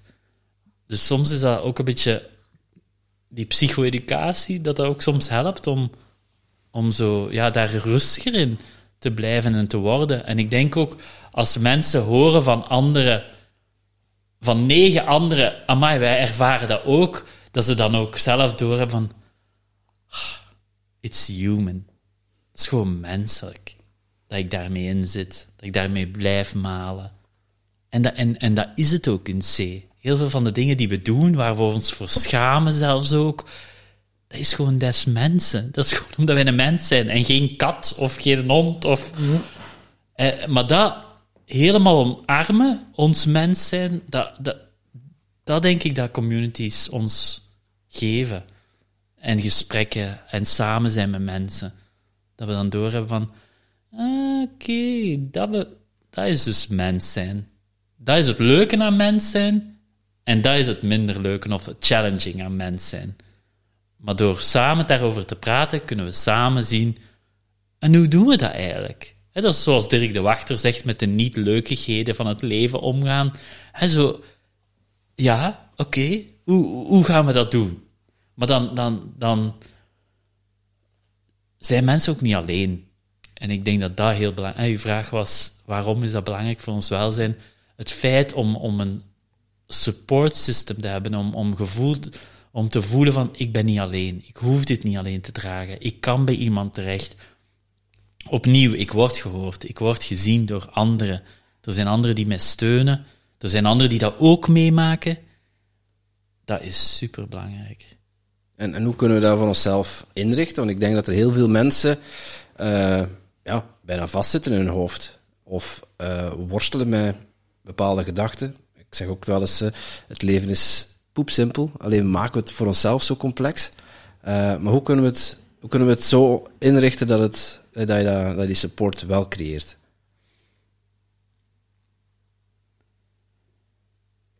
Ja, ik moet nu zo ineens denken aan aan zo mijn, mijn straat. zo, we hebben een heel fijne buurt. En we hebben een heel fijne omgeving om, om in te wonen. En als je dan hebt van het, het, het inrichten, het dagelijks inrichten, ik, ik denk dat het ook belangrijk is om te kijken van, wat zijn er in mijn dichte omgeving? Wat zijn mensen waar ik mij goed voel, waar ik bij terecht kan? Ze zeggen altijd, belang, dat is dat gezegde van, het is veel belangrijker om een goede buur dan een verre vriend. En meer en meer denk ik, ja, daar, daar is echt wel iets van aan. Dat je zo weet van, ja, bij wie kan ik terecht als, als, er iets, als er iets is? En ik denk, met zo'n klein stapjes, om, om, om al eens contact te zoeken met mensen in, in uw omgeving. Ehm, dus ja, ik vind het ook super belangrijk om heel vriendelijk te zijn in, in de omgeving waar ik woon en met de mensen uh, waar, ik, waar ik woon en daar een babbeltje mee te slaan en, en ja, gewoon te laten voelen van hey, ik ben een buur van u en ja, je moogt ook altijd komen kloppen als je wilt. Uh, niet op mijn gezicht, liefst. Niet op mijn gezicht. Klop aan de deur. Um, en anderzijds, maar dan trek ik de hele andere kaart. Um, dat was een docent die, die dat in, onze, in de podcastreeks rond uh, sociale connectie kwam, kwam zeggen, die zei, onderschat ook echt niet de, de connecties die we hebben digitaal met mensen die dat, waarvan we echt voelen van, die zijn een beetje in, in, onze, in onze tribe, in onze community, die snappen mij. En totdat hij dat zei, heb ik daar zelf nog nooit zo aan gedacht. Maar ik zit zo in een aantal LinkedIn-groepen en wereldwijd, maar met mensen waarvan ik echt denk, oh, mannetjes, die, die, die snappen mij, die, die zien ook, kijken ook naar de wereld zoals ik naar kijk. Die hebben ook dezelfde um, dromen voor deze wereld zoals ik die, die heb. En, en die zei ook van, onderschat dat ook niet. Dus enerzijds de buren, het dichtbij, nabij, maar anderzijds zei hij ook van, het feit dat jij je deel voelt van zo'n community is ook heel belangrijk al voor je welzijn. Um, dus, dat, dus, dus ja, we kunnen daar werk van maken, is door echt mensen op te zoeken, zowel in uw dichte omgeving als toch dan op het digitale web, ja. om ook daar de schoonheid van te zien van, daar zijn mensen die... Die, die een beetje dezelfde taal spreken en die nu, zonder uh, dat je heel veel woorden nodig hebt, u direct ook begrijpen en, uh, ja. en je zegt die zo'n beetje dezelfde dromen hebben voor hier in de wereld. Wat zijn jouw dromen? Uh? Mijn dromen? Ja, omdat je zegt, ze hebben een beetje dezelfde dromen, uh, uh, die gasten, dat ik heb voor in de wereld te zetten. Dus ja. ben nu wel een keer benieuwd uh, wat dat die nog allemaal in de wereld gaat zetten. Ah, wel, ik ben nu zo sinds vorig jaar die, die hele um, community-beweging aan, aan het opvolgen van de Inner Development Goals. En die Inner Development Goals die zijn er gekomen dus we hebben enerzijds de Sustainable Development Goals van zoveel jaar geleden. Maar ze hebben daar naar gekeken van als we die doelstellingen willen halen rond duurzaamheid, dan hebben we ook een inwaartse beweging nodig. Want alleen met te zeggen, we gaan daar en daar en daar op vlak van ecologie en, en de planeet, dat moeten bereiken, daar gaan we het niet mee halen. En de mensen die ik ontmoet via de die beweging, ja, dat is ongelooflijk. Dat zijn echt mensen die helemaal, ja, zoals jullie ook, hè, daarom doen jullie die podcast ook, die zeggen van, kijk, die inwaartse beweging, die moeten we aangaan om vervolgens hè, die uitwaartse beweging ook terug te maken. Dus er zijn mensen die echt zo ook daar weer communities, plaatsen willen creëren waarin mensen ja, elkaar kunnen inspireren, mogen zijn. En, en ze hebben zo'n heel mooie skillset van, ehm, van ja, competenties, hoe dat je kunt werken aan je innerlijke development, hè, van thinking en being. En ja, en, en als ik dan zo meedroom met die community, is, is dat echt van, goh, hoe fantastisch zou dat toch zijn dat we, als we een wereld kunnen creëren waarin echt mensen, laat ik zeggen, elkaar al eens als stap één begrijpen. En respect hebben voor elkaar. Ik, ik kan dat echt, ik kan met verbazing kijken naar alles wat er gebeurt nu momenteel in de wereld. Soms ik denk, allee, dat, waarom kunnen mensen niet gewoon luisteren naar elkaar? En dan moeten ze nog niet eens zijn, maar echt zeggen van, oké, maar ik wil eens horen wat jij daarover vindt en ik ga eens luisteren naar u. En ik ga er niet meteen iets van vinden. En, en dat is dan, als je dan vraagt van wat is mijn droom van een wereld, dat is dat we, ja, dat we meer ja, zouden luisteren naar elkaar en, en er meer zijn voor elkaar en zonder dat we daar direct iets van vinden. En dat we echt eens ons verplaatsen in de ander. En dat ik eens hoor van, hé, hey, maar hoe, hoe, hoe kijkt jij eigenlijk naar de wereld? En, amai, dat is inderdaad niet gemakkelijk voor u. Als ik hoor van dat en dat en dat, ja, dan zou ik dat misschien ook zo doen zoals je dat nu aanpakt. Ja. Maar, maar dat vergt eerst een, een bereidheid om, om te luisteren naar, naar, naar de Ja, ander. dan zou de wereld ook veel gezonder zijn. En willen ze dat wel, degene die het die voor het zeggen hebben, Ja. de gezonde wereld. Mhm. Dan begint het daar al. En dan heb je zoiets van, ja, een verdienmodel is juist pilletjes verkopen. En eh, dat is dan ook weer het jammere. En als, dan, als ze dan ook de media eh, in een, eh, ja, onder controle hebben, ja, en die zaaien nog wat angst en nog wat controle, zodat ze de, de wereld onder controle kunnen houden, ja, is het leuk en mooi dan er echt zo initiatieven zijn, zoals jullie, en ja, en in bepaalde groepen, als ze dan al dan niet ook niet gecensureerd worden, of dat je dan er alles aan doet, dan die mensen ook niet met elkaar kunnen communiceren, want ze maken het u daarvoor niet heel makkelijk. Maar ja, pas op, door creatief te zijn, kan je wel nog mooie dingen in de wereld zetten, maar het is wel een uitdagende tijd. Absoluut. En ik moet nu zo ook ineens denken, ehm, als je verandering wilt in de wereld, kun je dat doen ofwel op microniveau, ofwel op mesoniveau, om het zo te zeggen, en macro. En ik heb ook daar laat beseft dat mijn dromen heel erg lagen op macro, maar dat mijn energielekken liggen ook als ik mijn energie wil steken op die macro. Want dan wil ik allemaal dingen veranderen en anders. En, en nu denk ik van ja, op vlak van de macro zijn er nog altijd veel dingen die ik anders zou willen of waar ik anders van droom. Maar mijn acties ga ik richten op micro. En sinds dat ik dat, en dat doe ik nog maar een aantal jaar, een vier of vijftal jaar, maar sinds dat ik die shift heb gemaakt, merk ik wel dat ik minder energielekken heb. En, en dat helpt mij om, om te zorgen voor mezelf, maar toch ook op te komen waar ik, wat ik belangrijk vind. En dan weet ik van, qua macro, oké, dat en dat en dat, daar heb ik zorgen over. Maar ik weet dat als ik mijn energie daar eh, richt, als ik een project zou doen op dat niveau, dat ik volledig leegloop. Dat dat niet mijn ding is. Dat ik daar ook niet moet zijn. Dat is mijn opdracht niet. Ik mag het echt heel klein maken. En ik mag het echt hebben van de menselijke interacties die ik met dans en beweging. eh, en ook in mijn workshops van welzijn. Dat, ik, dat ik daar mijn bijdrage in mag zoeken en vinden. En dat gaat mijn kleine steen zijn die ik in deze rivier verleg op aarde. En dat is helemaal prima. Zo, maar dat heeft mij wel tijd gekost en jaren gekost eer dat ik dat door had. Van, ja, maar er moet zoveel veranderen op dat meso- en macro-niveau. Ja, dat is zo.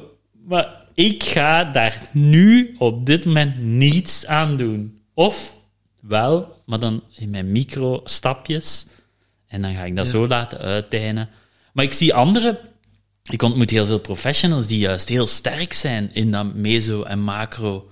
En zeker op LinkedIn. Dus ik heb heel, heel veel met mensen geconnecteerd die zeggen: hé, maar geef mij die taaie vraagstukken maar. Hè, om, om, om ook in onderwijs of, of in, in, in lastige contexten echt beweging gaan te brengen. En dan denk ik: goed voor jou, maar ik ga het niet doen. En zo, dat, dat, ja, ik heb echt geleerd van ik krijg heel veel energie van die micro. En dat, ja. En dat ligt dan ook in uw cirkel van invloed. Ja, Omdat het, ja... ja, eh, want het macroniveau inderdaad, ja, het hangt toch dan nog van veel andere facetten ook af. ja, absoluut. Je had het net over je droom, over, hè, eh, laten we zeggen, mondiaal eh, die inwaartse beweging te maken. De eerste stap die je zou kunnen, kunnen zetten zelf, als luisteraar, of jij, of ik, of Tom, eh, luisteren. Luisteren naar andere mensen. Welke concrete opdracht zou je mensen willen meegeven om bij te dragen naar jouw droom? Ja, en, en de stap daarvoor nog, maar misschien vind ik die zo evident, maar is dan luisteren naar jezelf eigenlijk. want Die, die luisteren stap naar de- staan misschien, die, stap la- staan misschien het liefst over, hè? Ja, ja, want, want ik was nu, ik hoorde u zeggen en ik dacht, oeh, maar wacht, dat gaat er nu wel aan voorbij, dat je luistert naar jezelf. Maar misschien vind ik dat zo evident dat ik denk, ah ja, natuurlijk luisteren naar de ander. Maar ja, dus omdat ik zowel luister naar mezelf. Luister naar jezelf. Dus- Hoe, hoe, hoe zou je dat aanpakken? Welke tips zou je voor de luisteraar hebben van... ja, luister naar mezelf. Ik hoef de podcast maar terug te spelen en ik kan mezelf horen, maar dat is niet wat je bedoelt, denk ik. Nee.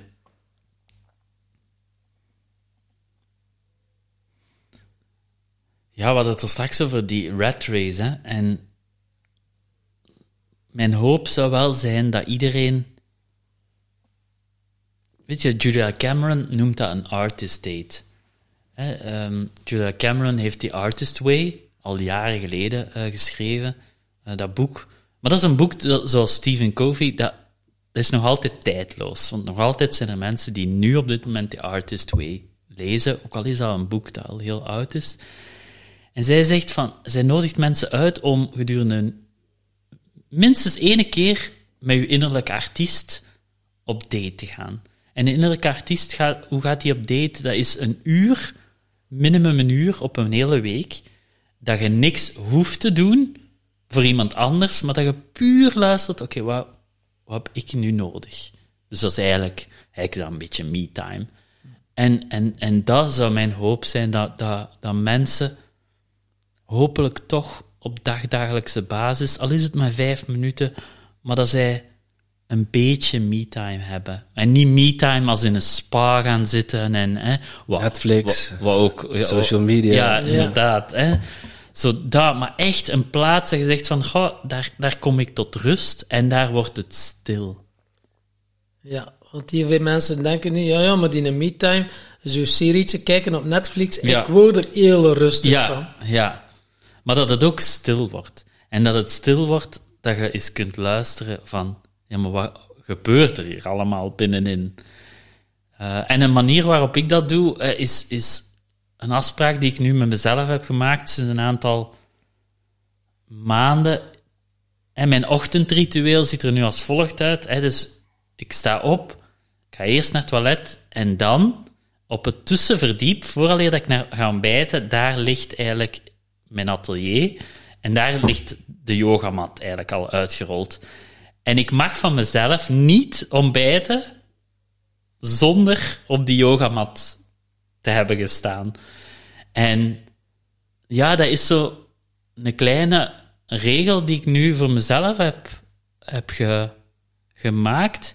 Maar dat maakt dat ik, dat minstens ook al eens een heel drukke dag, dat ik, dat ik toch s'morgens eens even een momentje op die mat heb gestaan om even zo ja, een beetje wat ik noem body time te hebben. Hè, maar zo, oké, wat wil er wakker worden? Hoe wil ik wakker worden? En, en zo. En, en dat is mijn momentje dat ik toch weet van wat er ook komt voor de rest van de dag. Dat is mijn momentje. Met, met mezelf. En dat hoeft ook niet lang te duren. En dat hoop ik dat, dat mensen dat hebben. Dat, dat ze gewoon ergens in uw dag, dat je zo'n momentje hebt van, dan ben ik niks aan het doen. Dus je bent ook niet aan het autorijden en hè, waar je moet focussen op verkeer, maar je zit gewoon even aan het zijn. Ja. En wat gebeurt er dan als jij gewoon zijt? Dan eh, denk ik even van, wow, dan ga ik me vervelen. Eh, zo drie minuten, wow, dan wordt het heel onrustig. Wow, dan eh, heb ik zin om iets in mijn mond te steken. Wow, dan wil ik op mijn telefoon kijken. Nou, dan gaan ze van allerlei mechanismen gaan geactiveerd worden om niet naar dat momentje van stilte, naar zijn te moeten gaan. Omdat dat zo confronterend is, want er gaat van alles door je systeem. En... eh, ja, ik ken het maar al te goed, omdat dat ook het pad is dat ik heb mogen bewandelen. Nu, ik kan ook wel aan de luisteraars vertellen, door dat structureel ook toe te passen, wordt het makkelijker is niet het juiste woord, maar wordt het eh, ja, minder uitdagend. Ja. Omdat je dan ook wel vrij snel de benefits ervan gaat opmerken, maar denk niet door dat één of twee keer te doen, dat je al direct gaat voelen, halleluja, damn, ik had dat veel vroeger moeten doen. In het begin is, wordt er alles in je systeem, gebeurt er van alles in je systeem, om te zeggen, ziet het, het is niets voor mij, ik stop ermee, want eh, dat kan voor iemand anders goed zijn, zo'n momentje van stilte, maar voor mij is het niet, omdat het veel te spannend en veel te, te heftig is in het systeem. En eh, Ja. ja, voor die mensen, dat wordt dat waarschijnlijk wel een hele grote groep vertegenwoordigt, wat kan je hen zeggen om die eerste stapjes daarin te zetten, om toch stil te worden en die rust te gaan ervaren en die dingen die dan allemaal gebeuren, om daar toch bij te blijven? Ja, en nu moet ik plots weer denken aan eh, Julia Cameron, die, die, die dan ehm, de praktijk heeft van morning pages, waarin ze tegen mensen zeggen van, van gedurende kwartier te schrijven. Wat het er ook in opkomt, gewoon schrijven. Een kwartier lang. Maar ze zegt ook van, dat, dat effect dat gaat je niet voelen na één keer, na twee keer. Dus zij maakt daar ook echt een programma van, van een aantal weken. Dus dat denk ik dat ook belangrijk is. En dat is ook weer van hoe ons, ons brein werkt of hoe dat nieuwe gewoontes worden geïnstalleerd. Die worden niet geïnstalleerd.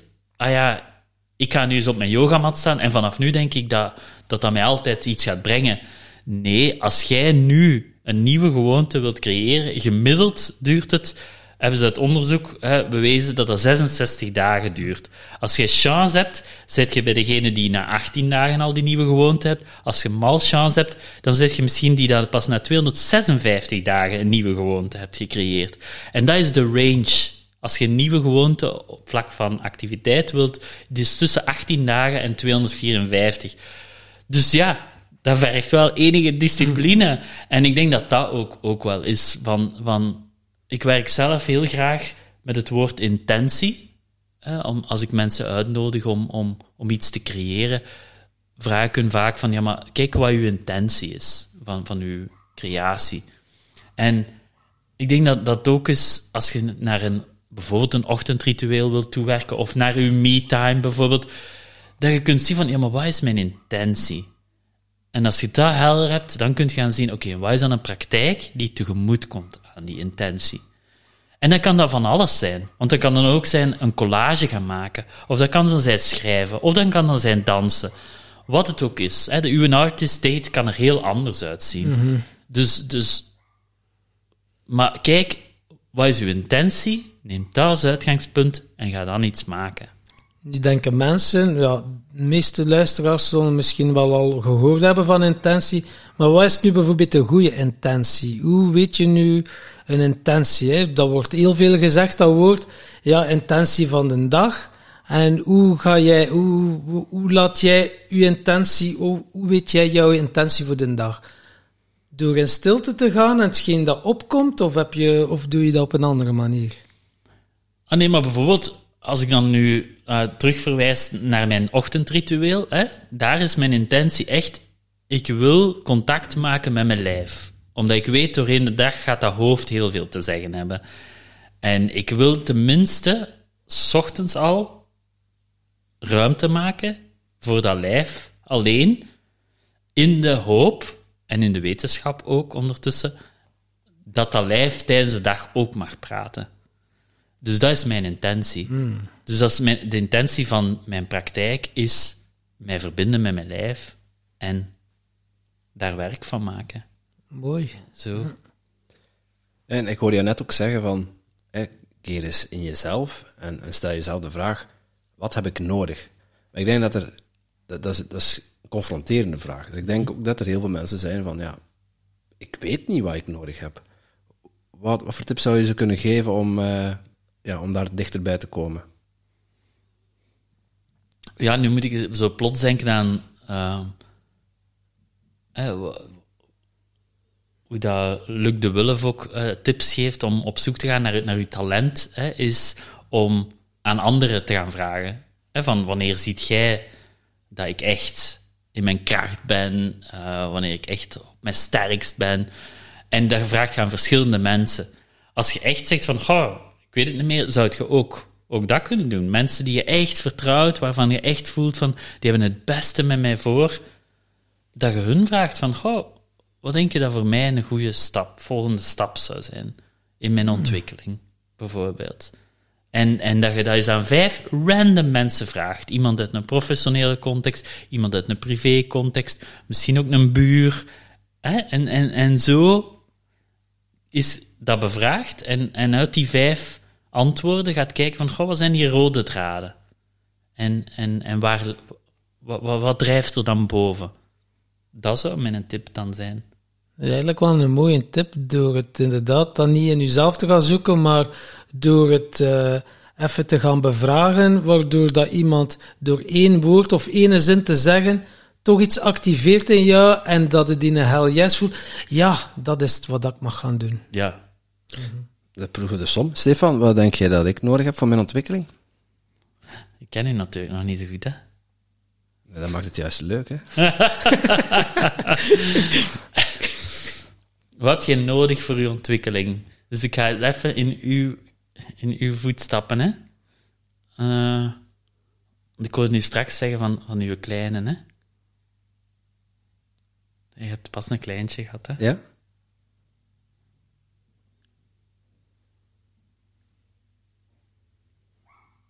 Ja, wat er nu mij opkomt, en ik ga dat gewoon zeggen, omdat ik denk dat als je zo, zo met, met je, je, je kleintje bezig zit om, om zo heel bewust bezig te zijn met, met je adem.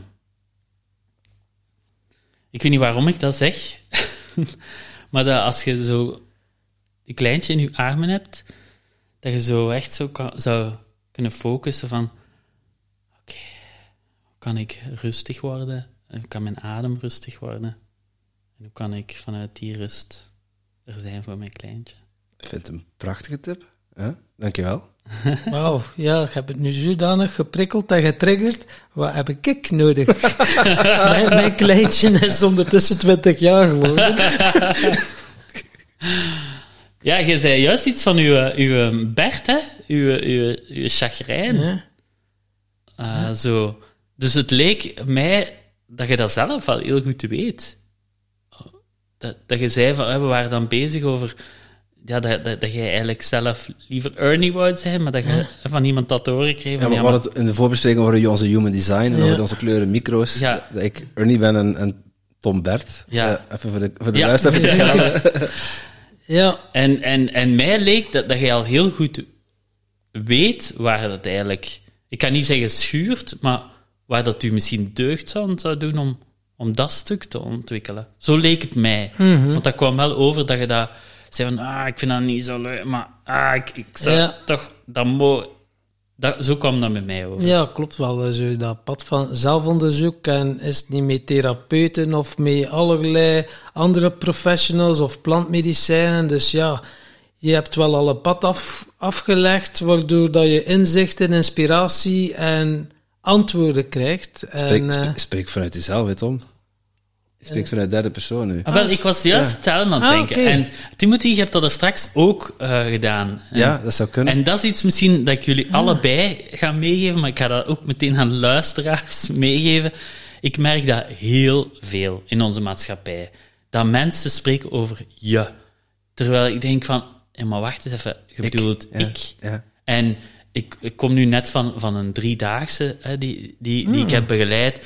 En een van de eerste dingen hè, die, die dat ik zeg als ik het kader hè, neerzet daarvoor, is ook dat ik zeg van ja, ik ga iedereen uitnodigen om te spreken vanuit uzelf.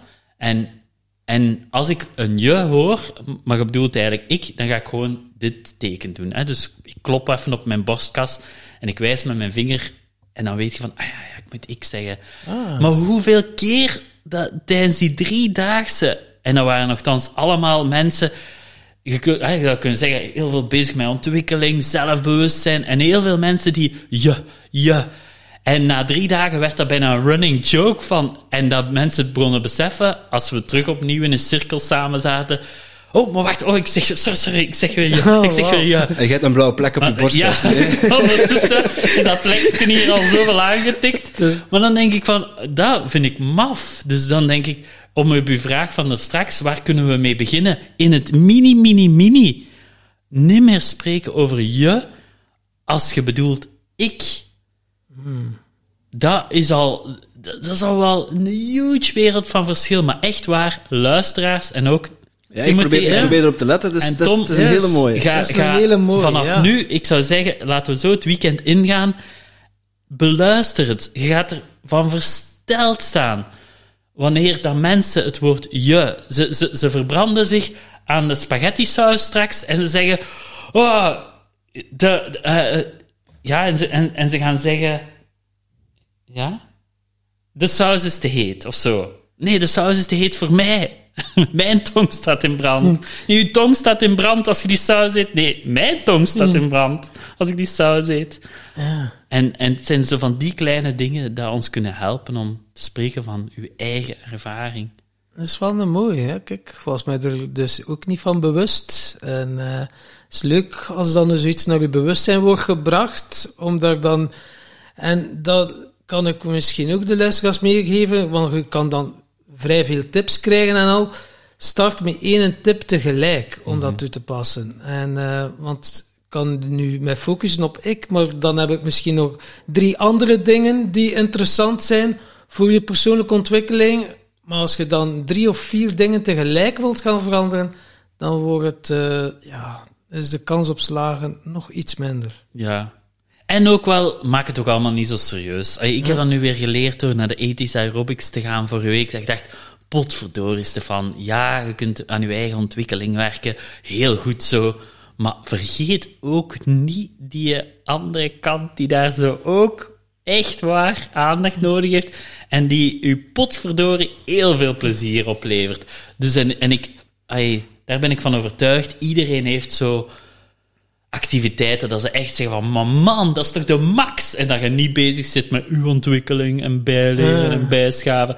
En dan denk ik, laten we dat vooral ook niet vergeten. En laten we vooral genieten en plezier ook hebben. En, en ja, het is goed om af en toe te graven en stil te staan. Ik ga de eerste zijn om dat te zeggen dat dat belangrijk is.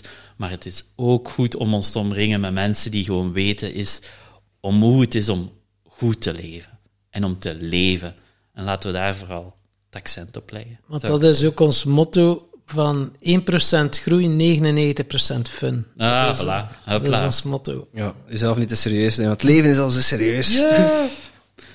Voilà. Prachtig. Maar dat, ja, dat lijkt me al bijna een goede afsluiter. Ja, we, voor we effectief gaan afsluiten, hebben we nog een paar vraagjes voor jou. Ja, Want onze podcast gaat over geluk en succes. Eh, het is niet dat we daar heel de podcast over gaan praten, maar wel op het einde. Ja. Dus eh, ik ben wel benieuwd. eh, wat is jouw definitie van, eh, van geluk?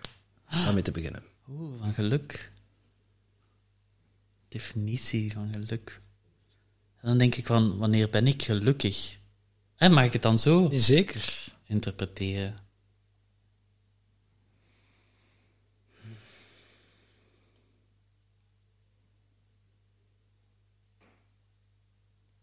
Ja, ik merk dat ik...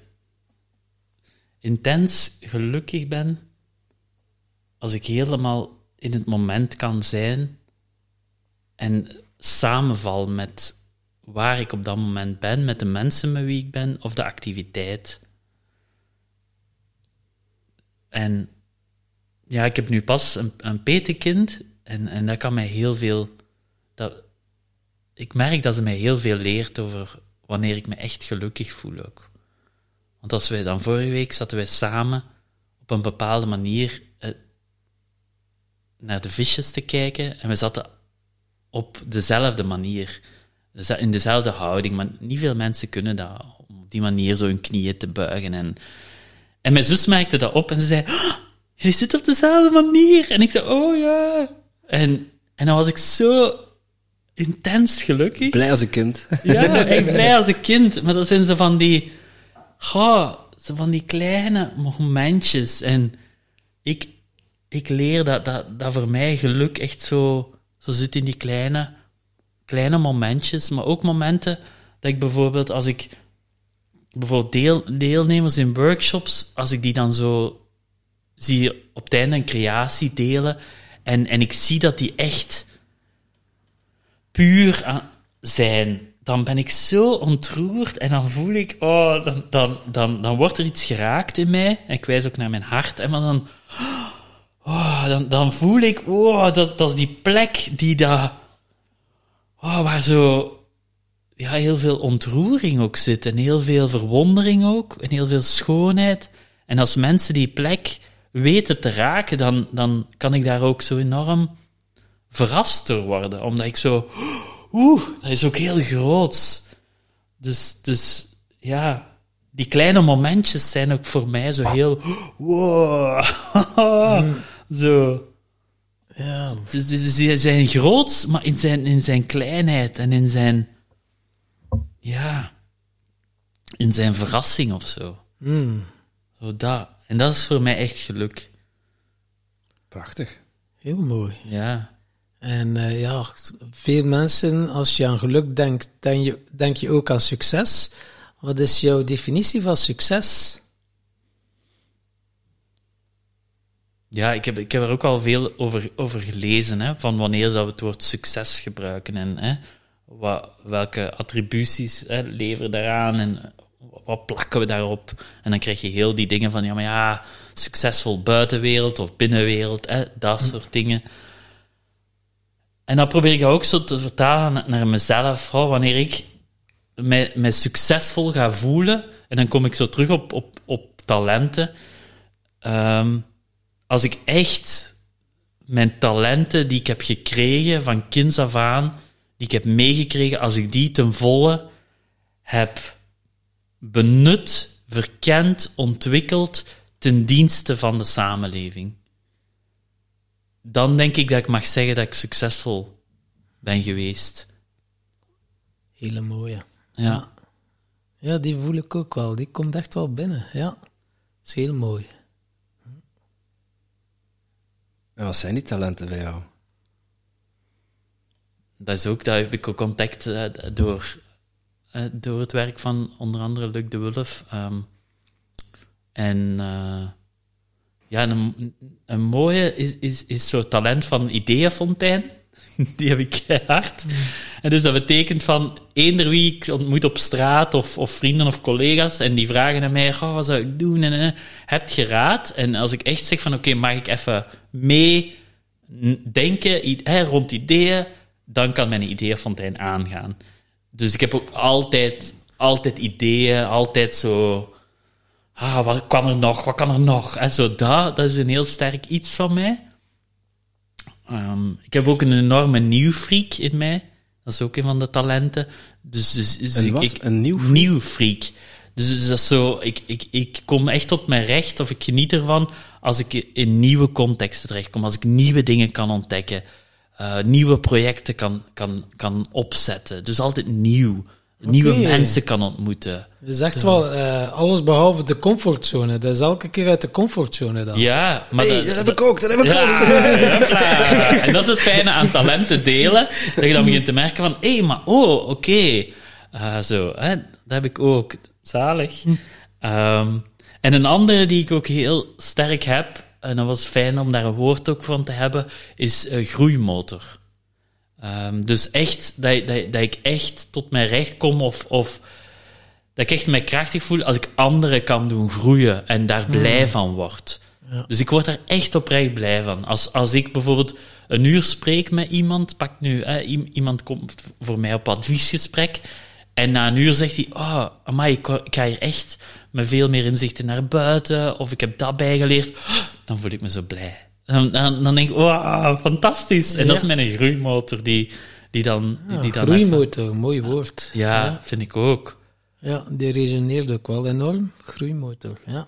Dat, en, en een ander, dat ik, dat ik echt nog ook de laatste jaren meer en meer aan het ontdekken ben, is het talent van de bewuste beweger. Um, dat was iemand die dat tien jaar geleden al ontdekt had bij mij, maar toen zei ik, ja, maar die bewuste beweger, ah, hmm. Maar ondertussen denk ik, ja, ik denk, denk, dat dat echt, echt wel het talent is van mij. Dat is zo, ja, die, en die beweger, dus die actie op gaan zoeken, en die bewuste laag daar ook op, van niet zomaar in actie gaan, maar de, vanuit een bepaald bewustzijn of daar heel bewust naar kijken. Uh, dus bewuste beweger vind ik ook wel een, een, talent dat bij mij, dat bij mij past. Die van mij staat vliegtuigmodus, maar... Uh, ja.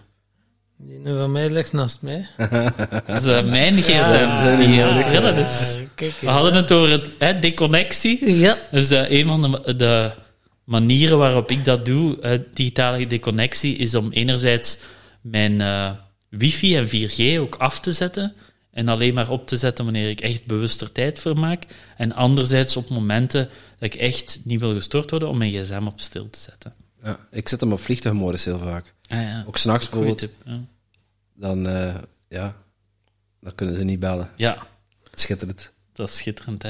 En dat zijn van die kleine trucjes, maar... Ja, ja, maar die een wereld van verschil kunnen maken. Ja. En uh, met de vraag voor de volgende gast die je nu mag bedenken, kan je misschien ook wel een wereld van verschil maken. We weten nog niet uh, wie dat de gast is. Oké. Okay. Het is wel leuk om een vraag bijvoorbeeld te hebben, waar dan de luisteraars zelf ook op, kunnen antwoorden. Hmm. Ja, misschien aan, aan, aan de aan de gast die, die komt, en als je dan toch in het gesprek gooit, welke beweging zou je nu kunnen maken dat je lijf u nu aangeeft dat je nodig hebt? Ah. En dat kunnen we zelfs ook doen om als de podcast is afgerond, kunnen we ook zien van... Dus welke beweging zou je nu kunnen maken wat je lijf nu momenteel nodig heeft? Ja. Mooi, hè? Ben benieuwd ook. Hm? Stefan, als mensen meer willen weten over, over jou, over wat je doet, ja. uh, waar kunnen mensen terecht? Um, enerzijds ja, zit ik op LinkedIn. Uh, dus de, daar, daar staat uh, professioneel alles een beetje samengevat, zou ik, zou ik zo zeggen. Gewoon onder je eigen naam, Stefan Marchand? Ja, inderdaad. En anderzijds ook op de website van Move to Create. Um, dus dat is www.move, dan het cijfer 2, create.be. Daarop staat ook veel van um, mijn werk, de projecten die ik heb gedaan de voorbije jaren en een stuk van mijn achtergrond. het fijne is dat ik nu een nieuwe website heb sinds een maand. En dat was heel fijn, want ik heb daar intensief uh, rond gewerkt, samen met een externe vormgeester en webdesigner. En ja, het fijne aan, aan ons werk samen is dat we echt tijd hebben genomen om eens terug te blikken op de afgelopen tien jaar Move to Create ook. En, en, en daardoor kon ik zo, ja, al het werk is verzamelen op mijn hmm. website. En dat was echt een heel fijn, heel intensief proces, maar ook wel heel fijn. Dus dat staat nu zo'n beetje als een soort van etalage. Zo'n portfolio. Mm, ja, ja, zo voelt het wel. En het was heel mooi. Lisbeth heeft dat echt zo schoon gedaan. En oh, ik, ik was ook heel ontroerd toen, toen de website klaar was. Dat, ja, om, om, om zo al het, om alle projecten en alle documentaires en, en alle beelden en foto's zo terug te zien ook van, van de mensen waarmee ik heb samengewerkt. En ja, ik, ik was echt enorm ontroerd. Want ik zei, oh, Lisbeth, ja, je hebt dat zo, oh, je hebt dat zo schoon, je hebt dat zo schoon vormgegeven. Maar, dat, maar dat kon, dan- komen zij ook tot hun recht, zo. En dan, dan komen die documentaires ook tot hun recht.